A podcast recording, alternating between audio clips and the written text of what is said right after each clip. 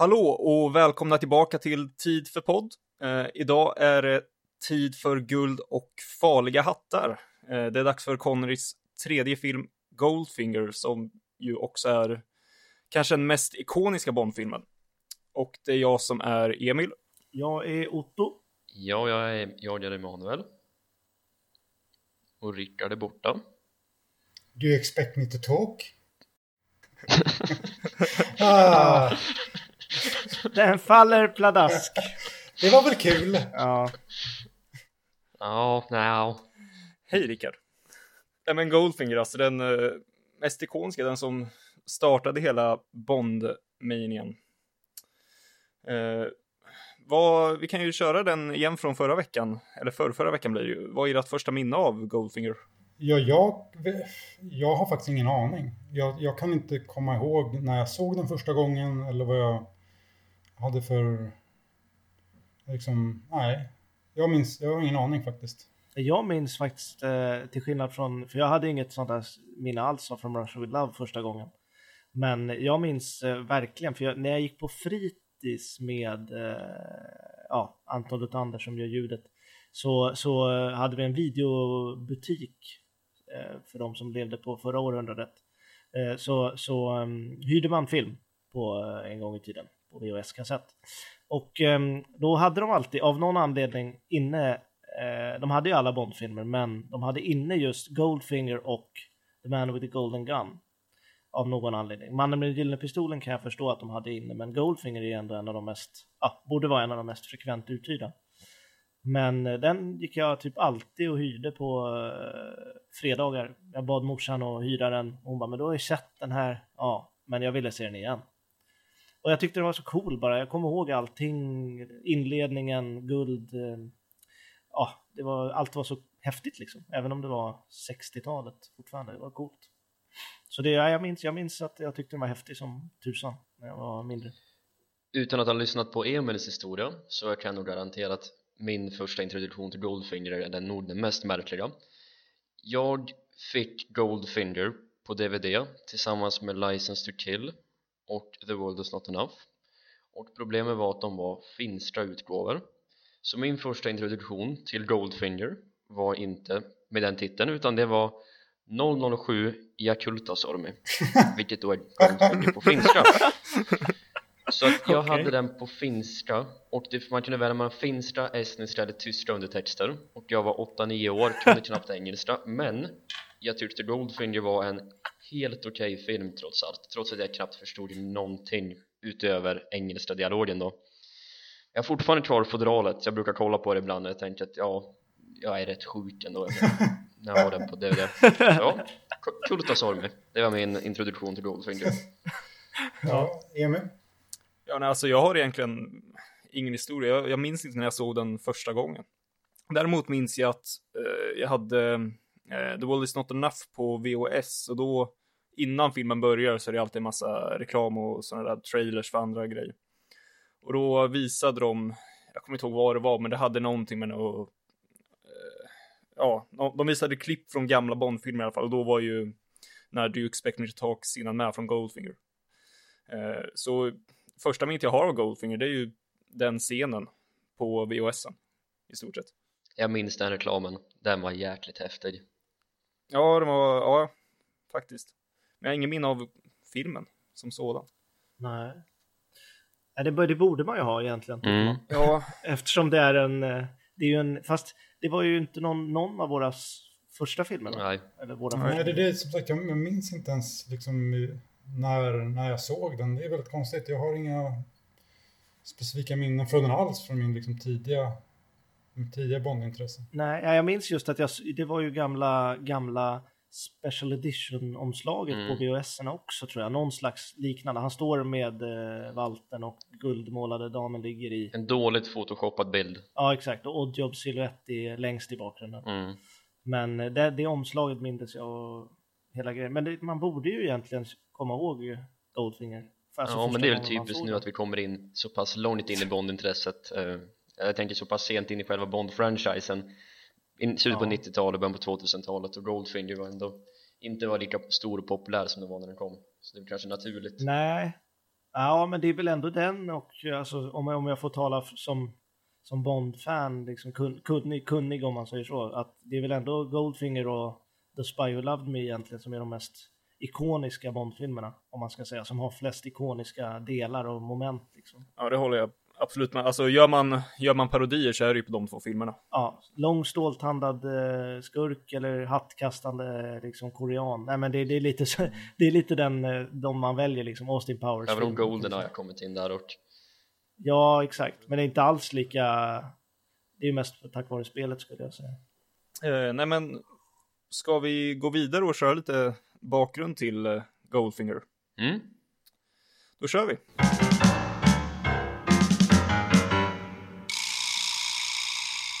Kan börja med handlingen. Och Goldfinger kretsar då alltså att eh, en man vid namn Oric Goldfinger misstänks smuggla mängder av guld från England. Bonds uppdrag är att ta reda på hur detta går till. Redan tidigare i filmen, i Miami i början av filmen har Bond stött på Goldfinger. Jill Masterson, som är en kvinna som hjälpt Bond stoppa Goldfinger från att lura sin motspelare på pengar i kort påträffas död, målad i guldfärg det visar sig senare att Goldfinger med stöd av kineserna ämnar detonera en atombomb i den amerikanska guldreserven Fort Knox. Västvärldens ekonomi kommer att raseras om det händer och Goldfingers eget guld ökar tio gånger i värde. Till sin hjälp har han sin urstarka hantlangare Oddjob och cirkusflygaren Pussy Galore och det hela bygger mot ett actionfullt klimax i Fort Knox. Och eh, bakgrunden till Goldfinger tar vid precis som från Russia With Loves första historia tar vid under inspelningen av den tidigare filmen. Och eftersom att producenterna nu visste att de hade en succé på sina händer så var de sugna på att fortsätta bygga på Bond-franchisen. Och med tanke på att de märkte att intresset var speciellt stort i USA så ville de självklart kratera till den amerikanska publiken. Så den historien de valde att filmatisera som den tredje Bondfilmen blev då naturligt Gold, naturligtvis Goldfinger eftersom att den utspelar sig mycket i USA även i boken. Så att det finns en hel del intressant för precis som i From Russia With Love så var det mycket som hände innan de faktiskt kunde göra filmen. Dels så var de i en rättstvist med eh, Kevin McLaury som vill äga rättigheterna till boken Thunderball. Mer om det kommer komma i nästa avsnitt såklart. Men det var mycket kontroverser innan där och mycket intriger som gjorde att det drogs ut på tiden att faktiskt sätta igång inspelningen. Och det första manuset som gjordes följer i princip boken till punkt och pricka förutom en enda sak. Och den saken följer med ända fram till slutet i filmen i filmens produktion. Och det är repliken positively shocking. Det är det enda i första manuset som Richard Maybom skrev som skiljer sig från boken och Harry Saltzman, den ena producenten han eh, avskydde manuset helt och hållet. Han ville inte ha någonting med det att göra. För att han gillade inte boken heller med tanke på att han tyckte den var långsam och fylld med hål och sådär. Så de plockade in en manusförfattare som heter Berkeley Mather som faktiskt är okrediterad när väl filmen kom. Och hans tillskott till filmen är helt otroligt stort om man tänker på att han inte fick någon som helst kreditering och det han förde till var humorn, extravagansen eh, kvinnan som är målad i guld hatten laserrummet och lasern bilen, själva planen eh, och eh, många av replikerna och speciellt Goldfingers larger than life aura allting kommer från Berkeley Mather. Och det ogillade Connery så då när de väl anställde Guy Hamilton som blev den andra regissören att göra Bondfilmer så tänkte han och även han att han ville få det att bli lite bättre. Så han hyrde in sin goda vän Paul Den och tillsammans så kokade de ihop ett manus som var mer komplett med mer brittisk humor lite mer laid back, lite mer fartfyllt. Och det var helt enkelt mer spännande och lite mer polerat. Och eh, jag läste noteringarna som Connery och Richard Mayburn förde fram till producenterna. Och Connery han gillade det inte alls överhuvudtaget. Han ville ha mycket mer i lön och han ville ha kreditering som producent om han skulle gå med på att eh, vara med på det manuset. Det här är det jag läste om Connery vad han tyckte om filmen. Eh, han ville ha känslorna mer subtila. Han ville ha en kokande och arg Bond efter det att Till Masterson blev mördad. Bond ska definitivt inte bli slagen av en kvinna. Det reagerar han väldigt starkt på. Sean Connery tycker att det ska vara tvärtom såklart. Eh, han ogillade att Bond var passiv. Han gillade inte oddjobb. Han tyckte inte att filmen var sammanhängande utan att det bara var massa set pieces så att säga som eh, hände utan att det fanns några som band ihop dem. Och han ville ha mer styrka från Bonds eh, sida. Så att de lyssnade väl inte alls på Connery egentligen det enda de gjorde var att de tonade ner lite av humor med tanke på att i Guy Hamilton och Paul Dance manus så är det en lång sekvens då Pussy Galore dansar naken målad i guld framför maffiabossarna. Och det strök de väl med tanke på att det var kanske lite väl kontroversiellt. Men de sänkte även ner hennes eh, homosexualitet som inte alls antyds något i filmen. Och faktiskt det sista de gjorde på manuset vilket var en eller två månader in i själva inspelningen det var att faktiskt skriva in eh, Moneypenny som inte var med i manuset överhuvudtaget fram till dess. För de såg inte henne som en viktig karaktär fram till det att May bumlade till ett par repliker bara för att eh, göra det lite mer charmigt och lite mer avslappnat i början. Och eh, de förstod ju det direkt att de behövde ju en hård skådespelare som kunde vara Goldfinger. Med tanke på Guy Hamiltons retorik inför Bond-filmerna var i allmänhet att Bond skulle vara mer passiv medan skurkarna skulle vara mer aktiva och driva handlingen framåt för att han menar att på det viset skulle Bond bli en mänsklig karaktär. Så i alla hans Bond-filmer som han regisserar så är ju Bond inte jätte, jätte aktiv utan det är skurkarna som man kanske minns mer. I många, många fall.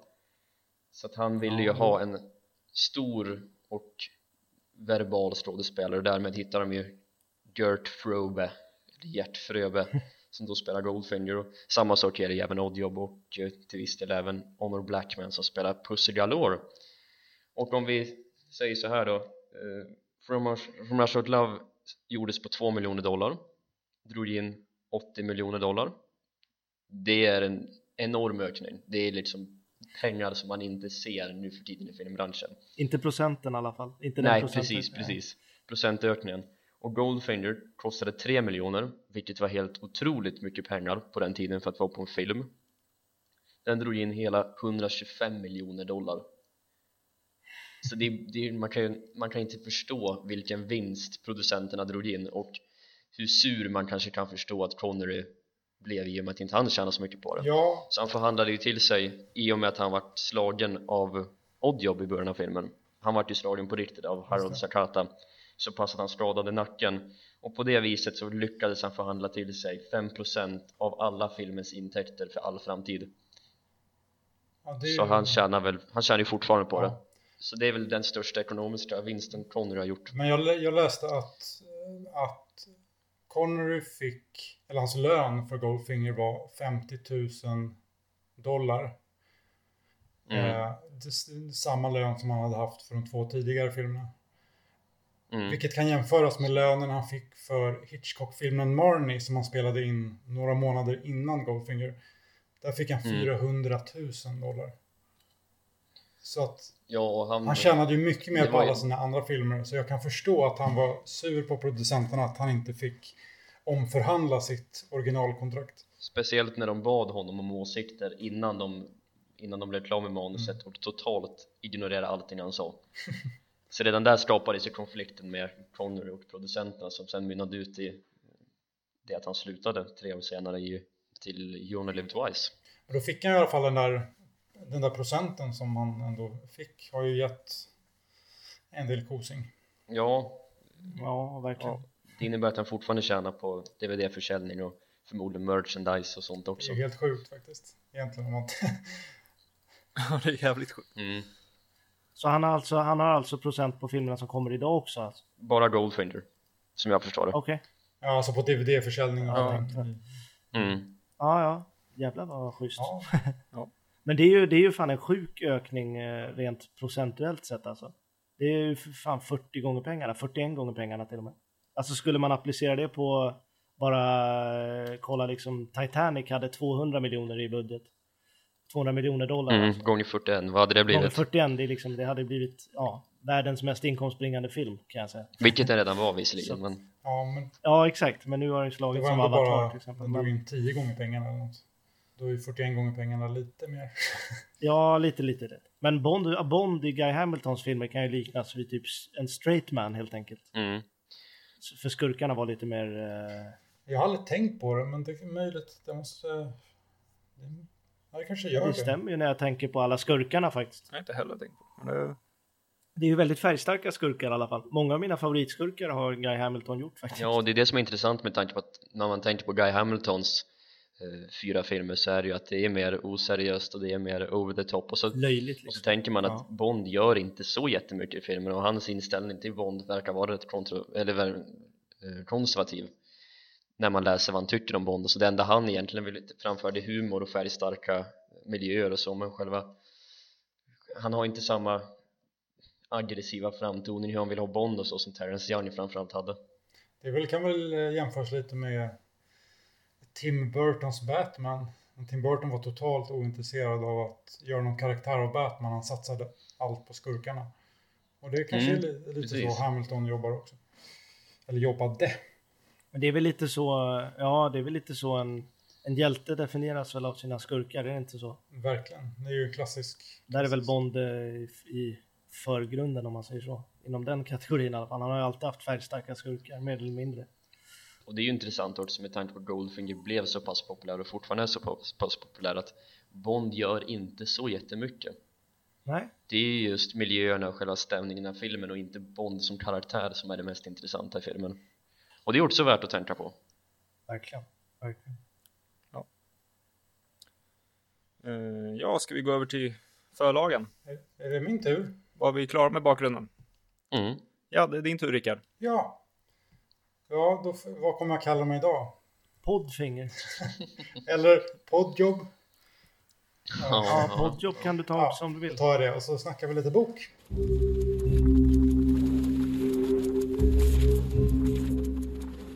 Året är alltså 1958 den här gången och Ian Fleming kommer hem från Jamaica med sitt längsta manuskript hittills som han kallar The Richest Man in the World.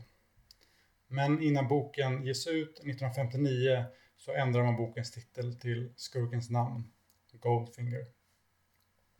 Och det namnet tog Fleming från en ungersk-engelsk arkitekt eh, som hette Erne Goldfinger vars moderna arkitektur Fleming avskydde. Så då tyckte han att det passade bra att ta det namnet och sätta på sin karaktär.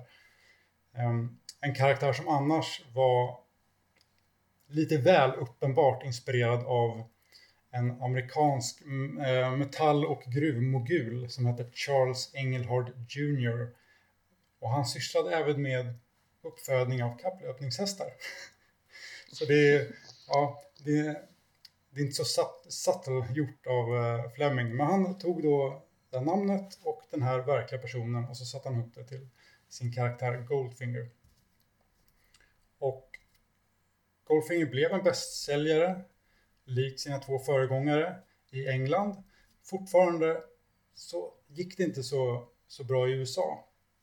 Det skulle ju ta några år till innan det blev så, som jag sa i förra avsnittet. Vilken bok i ordningen får jag bara flika in? Vilken bok i ordningen är det här? För jag antar att det inte är i följd efter with Love. Nej, den följer på Dr. No. Det, alltså måste det vara bok 7. Ja, den kommer ändå From Russia with Love, Dr. No, Goldfinger i den ordningen. Ja, Okej, okej. Ja, Jag tänkte vilken att- tur att de tog de tre första. Och... Ja, men de, när de väl började spela in filmerna då tog de de böcker som var hyfsat aktuella. Mm. För att de trodde att de skulle slå bättre om eh, tittarna liksom kände igen titlarna lite. Ja, okej, okej. Ja. Så det är därför de... eh, Och de böckerna, de tidiga böckerna filmas ju senare, bland de senaste. Mm. Och de här tre böckerna har gjort sig extremt cinematiska i sig självt. Det är ju inte de tre, fyra första böckerna egentligen. Nej, och det, kan, det kanske har att göra med att Fleming faktiskt gick i tankarna att han ville att sin, hans böcker skulle filmas. Mm. Så att det kan nog ha legat där under ytan och eh, påverkat honom när han skrev. Så kan det verkligen vara. Uh, och värt att notera med den här boken att det är den enda boken där Bond får en specialutrustad bil. Och, no, just det. Ja, och det är den enda boken där Bond kör en Aston Martin. Och i boken så är den DB3. DB3, mm, just det. Det kan ni googla på. Den är, jag tycker nästan den är snyggare än DB5. Eh. Samma färg som DB5 har han väl också i boken? Som används i filmen. Det kanske den har. Den också, ja, den, den ska också vara silvergrå i boken. Jo, det stämmer. Just det. Det är lite som med, som jag pratade om i Dr. No, att i den boken så råkade han få sin Walter PPK. Och så kom det med i filmen och så blev det den här ikoniska pistolen som Bond alltid haft. Och i Goldfinger-boken så introduceras Aston Martin och specialutrustad bil som plockas in i filmen och nu är superikoniskt. För nu är specialutrustad bil är, det är liksom standard. Det måste Bond ha i filmerna nu. Eller ja. då så den här Aston Martinen som han får i filmen, den har ju följt med genom hela serien. Mm. Nu har ju den Aston Martin DB5 varit med, har han varit med i alla, all, säkert. Ja, alla Craigs filmer och några av Brosnans. Alla Brosnans. Förutom Nästan, ja två Brosnans i alla fall. Ja, och alla Craigs. Mm. Ja. Och det... Ja, inte Quantum of Solace. Nej. Nej. Nej, just det. Nej, just det. Sant. sant. Dela mig. Um, och det kan vi väl tacka Goldfinger-boken helt enkelt. Att ja. Fleming lät Bond köra en Aston Martin. Mm. Ja, det har ju till och med nästan blivit lite inflation på, på DB5 just. Ja. Eftersom ja. den används till så konstiga... Ja, det vet jag att vi hade en diskussion om här nyligen att ja, i vissa filmer är det rättfärdiga, typ i Skyfall, för att hedra minnet av ja, 50 år av Bond liksom. Mm. Men slänga in den i diverse filmer bara för att det är den, det känns, det, det tycker inte ens, ja, i alla fall inte jag som Bond-fan, det tycker inte ens jag är kul liksom. Nej, det blir lite ur, urvattnat, för det är den här mm. Mm. ikoniska bilen som introduceras liksom till Goldfinger och var med i Thunderball. Mm. Och sen försvann den. Och därför fick den sin ikonstatus liksom. Och sen har de börjat plocka in den igen och då har det blivit lite urvattnat kan jag tycka.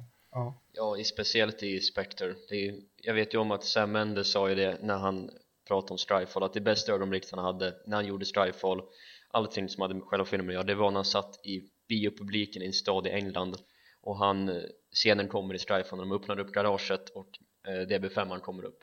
Han sa det var det bästa ögonblicket han någonsin har gjort, gjort med Bond. Och redan där tänkte jag att ja, nu börjar varningsklockorna ringa in för Spectre alltså, han tycker att det är det bästa med hela upplevelsen Ja, oh, shit alltså. Om vi ska fortsätta på bilspåret och uh, böckerna. I de tidiga böckerna så kör han väl en Bentley. Och det känns ju inte lika, lika Bond skulle man säga. Han kör väl aldrig Bentley i filmerna va? Ja, ja han, i början på From, From Russia with Love, Russia with Love ja. så är de ju vid en Bentley där. Men då kör han aldrig en Bentley? Nej, det gör han Nej, jag skojar. Nej, men... Nej, men det är sant. Men det är ju Bond i Flemings böcker så var det ju nästan bara Bentley. Det, mm. det var ju liksom 50-tals eh, bilen nummer ett. Mm. Så det var ju självklart att, att han skulle köra Bentley. Men sen tappade väl Bentley lite popularitet på 60-talet har jag fått för mig och därför plockade man väl aldrig heller in det i, i filmserien. Han nämner väl, han frågar ju i Goldfinger nu i Q-scenen, så frågar han ju What happened to my Bentley? Mm. Eh, som en hint till böckerna då möjligtvis. Ja. Utan att ha läst. Jag har inte läst den här boken heller eftersom jag inte har läst den. eh, och, och, eh, men då, då säger han ju det och då säger han att ah, du ska använda den här Aston Martin DB5 istället. Oh, så blir han lite sur för han vill ju ha Bentley. Faktiskt i manuset, eh, andra manuset, där är det en Bentley han kör och det, den var utrustad med exakt samma funktioner som ja. DB5 sen har i filmen. Mm. Så att jag vet inte exakt varför de bytte ut till Aston Martin, det kan väl vara kanske att som ni säger att det var mer populärt just vid tiden och att det följde förlagan bättre. Mm. Ja, tillbaka till boken. Um, jag tycker att egentligen Goldfinger är en ganska spretig bok. Jag är inte jätteförtjust i den faktiskt.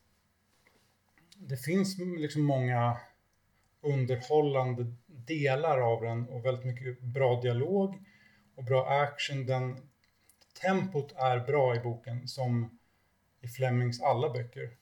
Men jag tycker den fallerar på två viktiga detaljer och det är plotten och det är karaktärerna.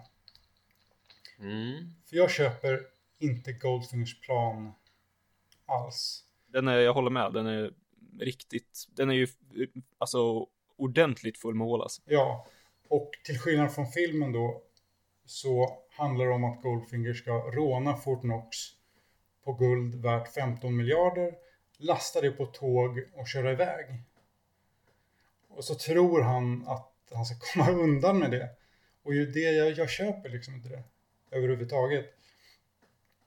För jag, tyck, jag tycker att Bond har för det mesta och ska ha ena foten i verkligheten och andra foten i fantasin. Som Emanuel, det var du som sa det förra gången? Jag tror det. Ja, jag tror det. Ja. Eh, men för mig så måste handlingen i, första hand vara trovärdig och liksom sannolik. Men detaljerna runt omkring kan gärna få vara lite absurda. Och här är det liksom tvärtom. Och jag tycker inte Fleming riktigt lyckas rädda historien från den, den svaga grund som den, den vilar på.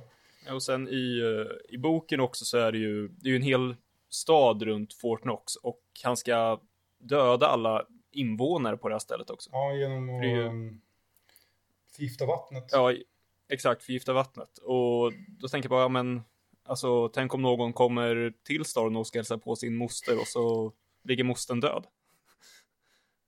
Ett hål exempelvis. Ja, jag måste vara lite motsägande här ytterligare en gång när vi kommer till böckerna och även till filmerna. Jag gillar Goldfinger som bok väldigt, väldigt, väldigt mycket. Jag har visserligen bara läst den två gånger och det var rätt länge sedan jag gjorde det nu. Men jag minns att från första kapitlet så var jag helt fast när Bond sitter på flygplatsen. Och jag, jag minns inte exakt vad det var han drack men han sitter och kontemplerar över uppdraget han gjorde i Mexiko tror jag det är, rätta mig om jag har fel. Japp, det är helt riktigt. Japp. och han tänker hur det är att döda folk. Han sitter och funderar där hur enkelt det var att ta ner den här mexikanska mannen på någon bakgata. Och han sitter och väntar på flyget och det är så fullkomligt briljant. Och jag jag håller visserligen med er båda att handlingen är den är rätt svag men den är inte mer absurd än till exempel Dr. No eller Thunderball som kommer därefter Ja, jag håller faktiskt inte alls med. Men jag, jag jag tycker att karaktärerna är väldigt intressanta inte lika fullt välutbyggda som i filmen filmen lyckas, lyckas komplettera boken på alla möjliga nivåer men som bok så är den en rolig in, ro, alltså inte så intressant men rolig pulpnovell på näst, något plan. Det är som att det är en rätt liten novell. Eh, novell är kanske inte rätt ord ens utan roman är väl mer passande ordet här men det är en härlig liten historia som eh, bara gör sin grej trots sina hål i handlingen och trots eh, lite märkliga karaktärisationer i speciellt Pussy Galore då, så är den underhållande framförallt och Bond är för första gången inte jättefundersam utan han gör sitt uppdrag och han är lite mer gladsint på något sätt och ja, men alltså ja, jag, jag tycker det är, så, det är så mycket hål och det är liksom en svag plott. Jag, jag, jag kan liksom inte komma runt det. det, det ja, jag har svårt för sådana böcker överlag. För jag tycker att Fleming annars brukar göra sådana historier och liksom det narrativa, hur berättelsen rör sig, det brukar vara ganska realistiskt. Men här tycker jag inte att det är det. Ja, Jag håller med M eh, om första kapitlet, det där med Det när han reflekterar Absolut. över döden. Och jag, tyck, och jag tycker att de första fem kapitlerna i boken är bäst och sen blir det bara sämre och sämre. Men just det här med eh, att Bond reflekterar över döden, det är, blir också lite av ett tema i boken, för det återkommer också längre fram att han, han funderar över sin, eh, sin inställning till döden och så vidare, om, om han har blivit avtrubbad och så vidare. Och det tycker jag är ganska bra, men det försvinner ju också lite mer mot, mot slutet, då försvinner ju lite det, det här temat. Det är lite så, Mm. det är ju liksom eh, det kapitlet i Goldfinger är ju lite som påminner om kapitlet i From Russia With Love när Bond liksom tänker på sin barndom. Alltså det är lite, Mm. man får känna karaktären lite. Och det håller jag med om, det är svinbra. Men sen, som Emil säger så tycker jag det går ut för i, ungefär när han, kom, när han kommer till USA. Faktiskt. Han dricker eh, bourbon för övrigt tror jag. I, bourbon ja. Mm. Eh, Men tempot är så pass högt och elementen är så pass bisarra att när jag läste den sist så var det att jag tänkte inte på själva de- detaljerna som så att det inte är helt logiskt utan det var mer att det var så pass underhållande, var så pass bisarrt, det gick så fort så att jag hängde med och bara accepterade att allt var som det var. Sen dess har inte jag riktigt funderat på hur boken är uppbyggd som så. Men just där och då då jag läste boken så var jag helt och hållet fast. Jag tror det är den boken jag läste ut snabbast i ett enda svep jag kunde inte släppa den. Oj. det, ja, det är intressant eftersom att det är knappt någon som helst. Vi, vi märker ingenting från Bonds synvinkel förutom första kapitlerna. Utan sen är det enbart vad Goldfinger gör och vad han ska göra som är viktigt, vad som är fokuset Jag tycker att, eh, att boken tappar som mest, inte när han kommer till USA utan ännu tidigare att, eh, för det är en scen som inte är med i, i filmen och det är när eh, efter den här golfrundan som också är med i boken så blir eh, Bond bjuden hem till Goldfinger. mm. Eh, och jag tycker att efter det och när han lämnar eh, England och åker till Schweiz, där tappar det rejält. Ja, Speciellt den här hela, hela bil, eh, bilscenen, scenerna när Bond följer efter Goldfinger tycker jag bara är riktigt sega i, i boken. Och jag tycker överlag att det som kommer efter, det, det är inte speciellt där tycker jag faktiskt Bra. precis tvärtom. Jag tycker det är min favoritdel av hela boken. De kapitel när Bond följer efter Goldfinger i sin bil genom Frankrike och Schweiz. Det, det tycker jag är liksom agentroman när det är som allra, allra bäst. Där kan, där tyck- kan inte jag sluta jag- läsa. Det, är- för mig är det klockrent. fast jag, jag tycker liksom att ja, det blir det är bra första kapitlet, men det sen känns det som att han bara tar samma grej och bara upprepar det i flera kapitel tills de har, eller flera kapitel, flera sidor, jag vet inte hur långt det var. Eh, fram tills det att de kommer fram till eh, Genève. Det är liksom det, ja visst, han stöter på eh, Tilly Tilly. också. Mm. Men annars tycker jag, jag vet inte, det är mycket mycket liksom klippa och klistra fast och byta namn på städer i stort. Ja, men det, det, Om jag ska, om jag ska, om jag ska hårdra ja, det jag förstår vad du menar. Eh, men det, det tilltalar Det mig. blir för, det blir för, det blir för långt och utdraget och inte speciellt intressant. Han, han kör bil. Ja, jag- det, på någon, det tilltalar mig på något, på något sätt. Faktiskt. Ehm, men det är, för- mig är liksom problemet lite berättelsen i stort. Även om det finns enstaka kapitel som är väldigt, väldigt bra. Så alltså själva boken är ju uppbyggd kring de här tre eh, ja, större delarna som han kallar för happenstance, coincidence och enemy action.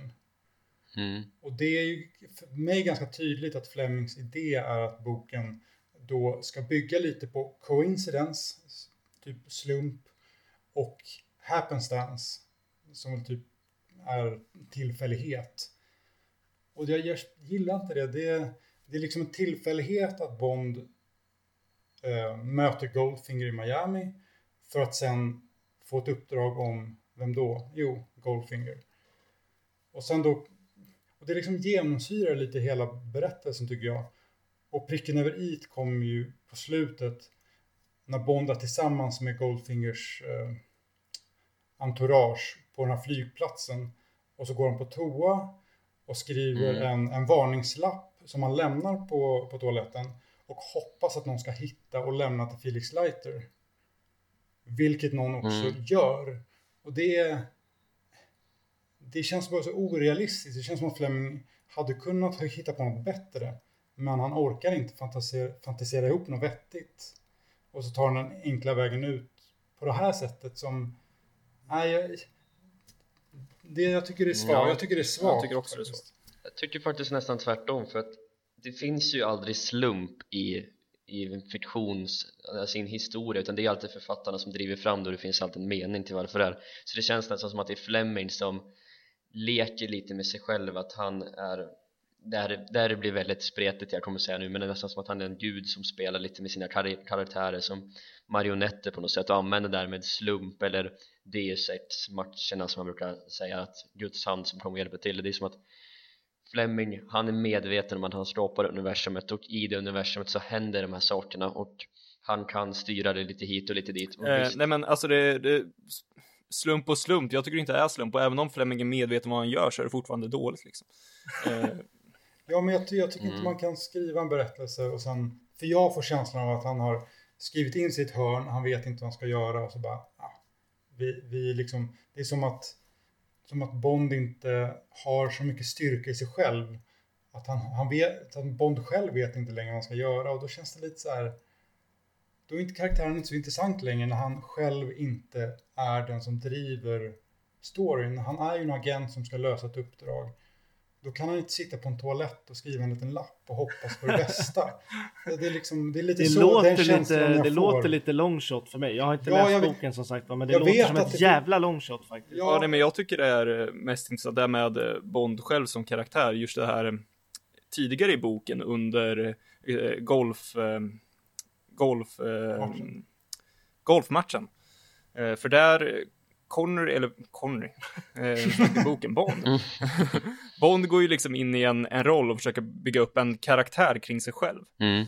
Eh, och det tycker jag är väldigt intressant. Ja. Eh, och då känner man ju mer att nu är Bond Bond. Sen på slutet som du säger, då han försvinner liksom. Ja, och så, och så väljer han då hjälpa Goldfinger, eller hjälpa, men han liksom låtsas börja jobba som hans, vad är det, är det typ någon sorts sekreterare Någon- eller? Ja, body- sekreterare, där. skriver, Mm. fixar Och också, kopior. han gör ju ingenting, han sitter där och väntar. Jag, jag tycker liksom boken tappar momentum när helt plötsligt Bond inte har överhanden längre. Han gör ingenting. Jag tror det väver in lite i och med att Fleming, som du Rickard nämnde i förra avsnittet, att Fleming var less på själva att skriva Bond, om Bond och sådär. Och från och med efter From Russia with Love kommer två böcker med titlarna av skurken. Och där skurken är den överhängande skuggan och där det ligger lite mer fokus på hur skurken framförs och vad han säger och vad han gör. Och i Goldfinger är det väl ännu mer tydligt än i Dr. No att Goldfinger är nästan huvudrollen utan det är där fokuset ligger och det kanske är lite så att Fleming tappade lite direktion i hur han skulle göra med Bond handlingen i stort för att han verkar vara så pass inne i själva karaktären Goldfinger och eh, han, hela hans handling. Så att det kan vara att han har grävt in sig i detaljen och karaktären där och sen glömt bort helheten. För att visst att han lämnat lappen på toaletten där i slutet det är ju, det är ju inte alls särskilt bra. Men ändå så allting runt omkring och allt som handlar om Goldfinger och handlingen det utför ju han jättebra och jättetydligt. Så det känns lite som att han har mer intresse i det här storslagna som återfinns mer i styrkorna än i Bond som karaktär med tanke på att Bond i boken är ju väldigt lågmäld och introspektiv och det kanske inte är riktigt det Fleming ville ha om man skulle göra böckerna lite mer eh, ja, tillgängliga till allmänheten Nej, det, det är intressant ändå att det är ju... Jag tror att det är i From Rush of Love första gången som vi, som det där kapitlet som vi pratade om när han tänker på sin barndom. Att det är liksom första gången Fleming gör något sånt. mm. Skriver om liksom lite mer Bonds inre. Som han gör i Mm. början på Goldfinger också. Så samtidigt som han försöker göra det så tappar han samtidigt lite intresse för sin karaktär och börjar skriva om skurkarna istället, som du säger. Det är nog lite så här, jag får inte riktigt ihop det. Sen tycker jag en annan eh, svaghet med själva storyn, det är att innan Bond kommer på, eller blir tillfångatagen av Goldfinger och får reda på planen han har. Innan det så handlar det om att Bond ska utreda eh, eh, guldsmuggling för att det har att göra med eh, valutans styrka, pundet som valuta. Och då känner jag också bara gäsp, Mm. vad tråkigt. Alltså, jag skiter väl fullständigt i hur, i hur eh, liksom smuggling av guld påverkar pundet som valuta, dess styrka. Det är ju det är inte intressant överhuvudtaget.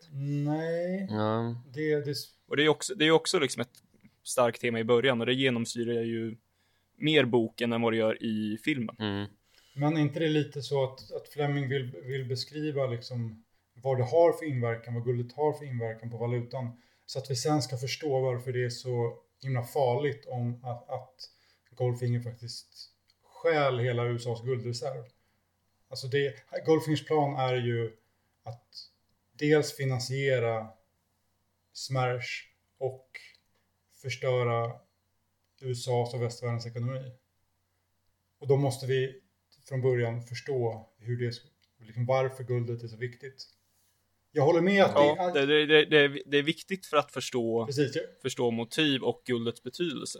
Men det är fortfarande ointressant att eh, läsa om eh, Bond som ska utreda, eh, ja, ut, ha, ha ett uppdrag som har att göra med pundets styrka som valuta. Ja, jo, jag, jag håller med. Jag, Om man ska, jag om man ska hårdra ja, jag liksom. förstår varför Ja. det är där, men det är inte så spännande. För den, för den egentliga uppdragsgivaren är ju, det är ju Bank of Ja, England. det. Ja, det är Mm. sant. Det är lite mer John Le Carre över det där men det är intressant också att Bond gör lite lite agentarbete på ett lite annat sätt än man annars har gjort och aldrig gör filmerna i princip.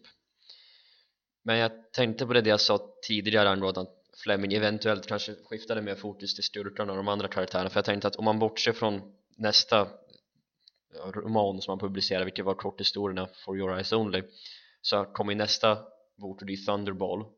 Det är ju planen för styrkorna. Och det är mycket fokus på Spectre och uppbyggnaden av Blowfell och så.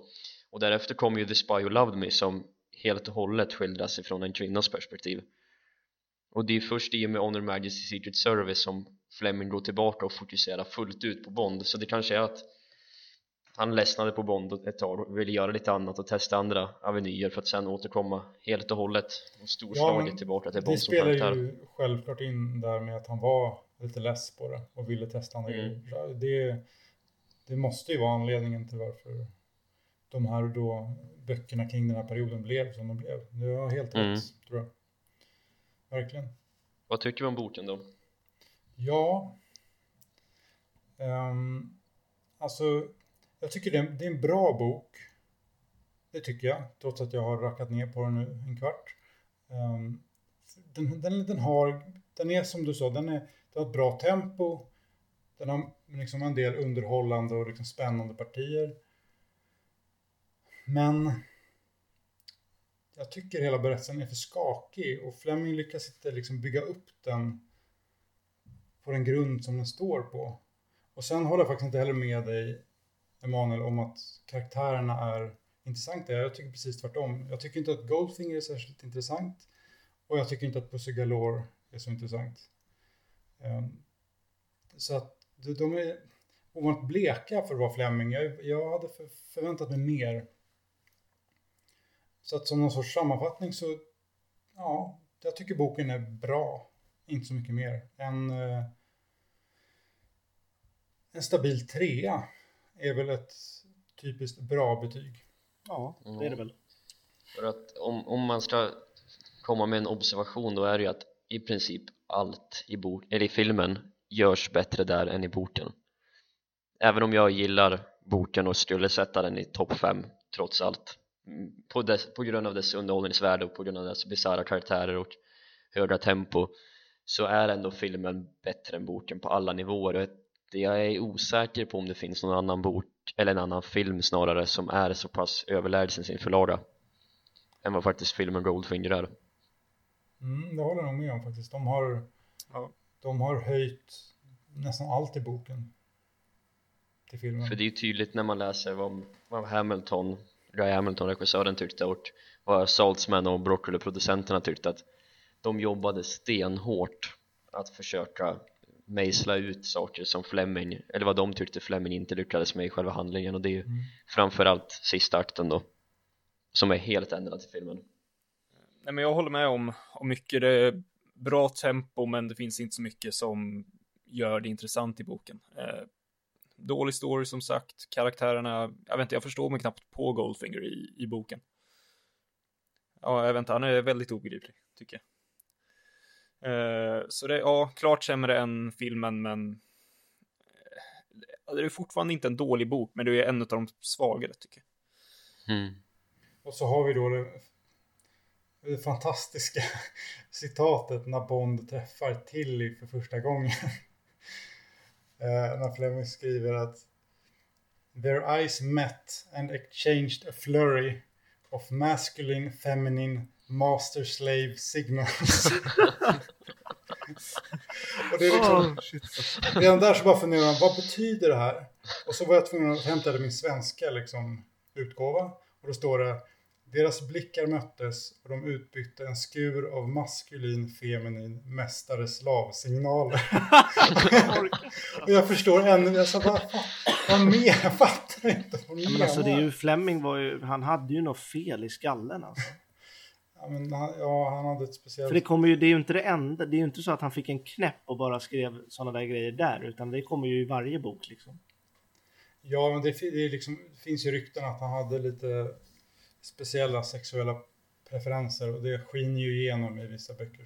Mm, ja, ja. Eh, Men det är ju väldigt målande i alla fall. ja, men Jo, jag, jo. Ja. Vad, vad, vad de, ja, jo, fast det är väldigt konstigt. Alltså, Ja, det, det är just jävligt märkligt bara tycker jag. Sen om det är målande eller inte, det är fortfarande märkligt. Bara Mm. skumt alltså. ja. Som när han, Darko Kerim från Russia with Love Ja, höll, det- höll henne under bordet naken och matade henne. Och sen så ville hon inte dra när, ja det, det är så konstiga grejer. Det där är för långt in i fantasin, Rickard. På din fantasisida som du sa. Man ska ha en fot i fantasin, men det där är liksom beyond. Det är Ja, bortom det- det liksom. det, det går liksom ja, jag vet inte om folk på 60-talet tyckte att det var helt normalt. Jag tror inte det. Nej, det känns, det var ju ändå bara, det är ju ändå bara 50 år sedan liksom. Ja. Mm. Men de blev ju ändå ganska uh, omskrivna Bondböckerna för sina sexuella, ja, de blev ju det. ja, Absolut. ja, sexuella delar så att säga. Och det var ju Ja. många som tyckte att de var omoraliska. Fast det var kanske inte just sådana meningar. Det var snarare att, att Fleming skrev ganska öppet om eh, sex och våld. Sådär. Mm. Men... Och sen är det väl, väldigt roligt när, när, när Goldfinger tar sin katt och ger till Oddjob som middag. Ja, just det. Mm. Fast jag tycker, jag tycker delen innan där när han, jag vet det, Men han, den grej som jag hade nästan velat haft in i filmen. Att han tar katten för att förstöra en filmrulle. ja, men det, För han är ensam i Goldfingers hus och så smyger han runt och så upptäcker att han är filmad. Och sen så använder han katten då för att Goldfinger ska tro att det var katten som förstörde filmrullarna. Och sen så går han och sätter sig och sen så när Goldfinger går in och ser katten så tar han katten med sig, går ner till Bond och säger Do you like cats? Det är så konstigt alltså. Nej, men jag, nej, men jag tycker att eh, hela, det hade kunnat bli bra på film liksom, när Ja, man ser att, det så... att skurken kommer in och är lite förbannad och bara Do you like cats? Det, är så, det är så himla, det känns som så ensamma hemma. Så jag bara, Oj, jag har blivit filmad. Hur ska jag lösa det? Eh, jag hämtar en katt. Och så, eh, jaha, nej men nej. eh, Det får, ja. Ja, det är lite konstigt faktiskt, det måste jag hålla med om. Så det är väl, eh, det är boken det. Det var boken där. Ja. Ja, då går vi över till filmen.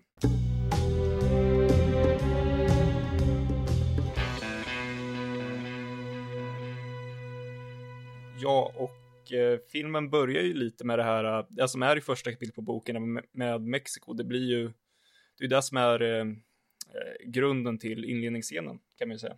Mm. Och eh, jag gillar inledningsscenen väldigt, väldigt mycket. Ja, jag, eh, jag tycker det är, jag sa det när vi tittade på den också, jag tycker det, att den är topp eh, fem lätt inledningsscener.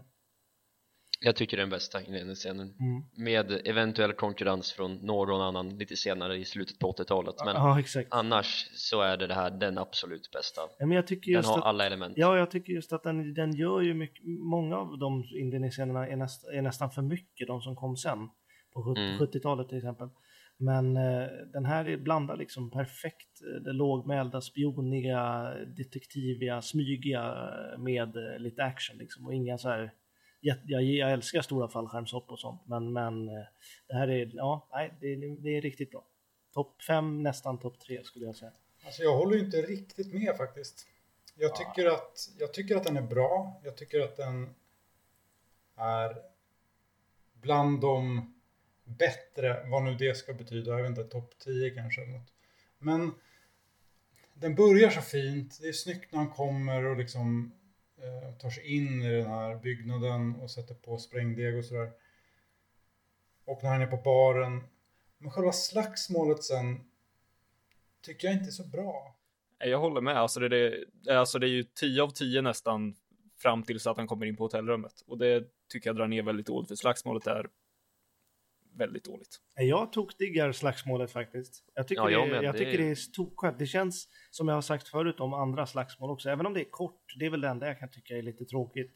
Så tycker jag att sådana fighter där det liksom är gruff och brottning och inte så här Mm. klockrena slag, det ser mer koreograferat ut nu. Sådana fighter tycker jag är bättre för att då känns, så känns det som att man slåss liksom. Det är aldrig riktigt perfekta, inte för att jag har varit i slagsmål, men det, är, det känns inte som att det är riktigt så här perfekta slag och för i, i dagens fighter blir det ju mer koreograferat, det ser ut som en dans liksom. Ja, det håller jag med om. Men jag tycker inte... Ja, jag tycker det här är så jäkla bra. Slu- Tycker- Stolar och grejer och han flyger och han tar tag i hans ansikte och nej, det, jag diggar det. jag tycker inte det finns något tempo riktigt i slagsmålet. Det är Men det är det, det är det jag gillar också. Jaha. Ja, jag, jag, jag, nej, men jag tycker det, det, det är det jag gillar. Jag gillar när det är lite dödtid i, inte dödtid, men när det är lite liksom segare fight. Inte som slutfighten mellan Bond och Oddjob, men den kommer vi till sen. Men den här fighten, nej den är bra. Den är kort, just kanske bra att den är kort då, när den har lite dödtid.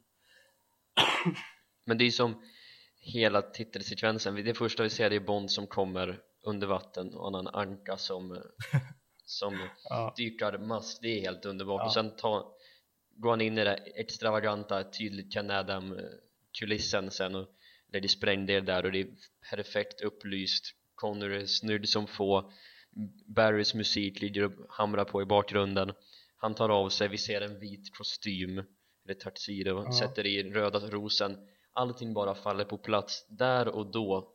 Om det inte fanns något tvivel innan så i den, det ögonblicket då Bond tar av sig sin dykardräkt då vet vi om att här har vi en cinematsektion som är för att stanna. Det är Ja, helt exakt. underbart. Här har vi Bond liksom. ja, och så går han in där på The Scorpion Bar som den heter i manuset och bara det, det sprängs bakom och han röker och allt är bara så oerhört häftigt och det sätter tonen för filmen och för hela serien Ja. Jag undrar verkligen om någon annan än Sean Connery hade kunnat göra just den här inledningsscenen så mycket rättvisa som han ändå gör. Nu ska jag sluta tokhylla Connery som jag har gjort i alla filmerna hittills, men Men det är ju otroligt mycket Connery just det Ja. där eh, Mm. när han är på baren och han bara tänder en cigg liksom. och så, ja. Ja, det enda som får mig att fundera lite det vad han exakt spränger Han pratar ju om heroin flavor bananas Är Bond där sanktionerat av brittiska regeringen för att spränga ett drogimperium på 60-talet? Mm. Lite fundersamt Ja, det känns lite, men, men som sagt jag, tycker jag tycker den här är 10 av 10, den här inledningsscenen. Ja, oh ja Eh, topp, alltså alla, alla filmerna, alla inledningssekvenserna som är, är topp tre. Jag vill nog hävda efter lite omtanke att den är topp tre till och med. Alla de är ju 10 av 10 för mig. Mm. Så att, nej, jag tycker den är, den är svinigt snygg. Allt är, allt är bra. Hoppet, han som springer, jag vet inte om det var Connery som sprang där inne på skurk, eh, när han har kommit över muren. Men Ja, det, det- han som springer, springer så fantastiskt snyggt. Jag vet inte vad Det det är är. faktiskt han som eh, är skurken Capungo i, i hotellrummet Ja, det är det. Det är Alf. Alf Joint, visst var det det? Alf Joint, ja, Ja, precis ja. Joint. Ja, det är så bra alltså. Ja, det är klockrent. Och sen har vi svenska flaggan i bakgrunden Ja, Bara precis. en sån sak Ja. Men sen har vi ju bästa repliken som ni sa, som var med från första, ja, som du sa Emanuel. mm. Den är ju med faktiskt här i inledningsscenen. Vill någon testa sig på att imitera den? Ja, vem gör den bästa Connery? Tror spontant att det är du Otto Ja, men, nej, men det är väl i slutet av uh, fighten helt enkelt, när han slänger ner den här värmelampan i, eh, som han avslutar fighten på helt enkelt. Och, ja, han blir elektrifierad helt enkelt, den här uh, snubben. Eller ihjälbränd är det väl till och med. mm. Eh, och då säger Connery på bredaste skånska Shocking. Positively shocking. Och sen går han bara därifrån. Bry, bry, bryr sig inte om hon som ligger där och precis har blivit slagen. Utan han drar och så cuear vi titellåten helt enkelt. Precis när han stänger igen dörren Ja. också Ja, det, är, det, nej, det är 10 av 10.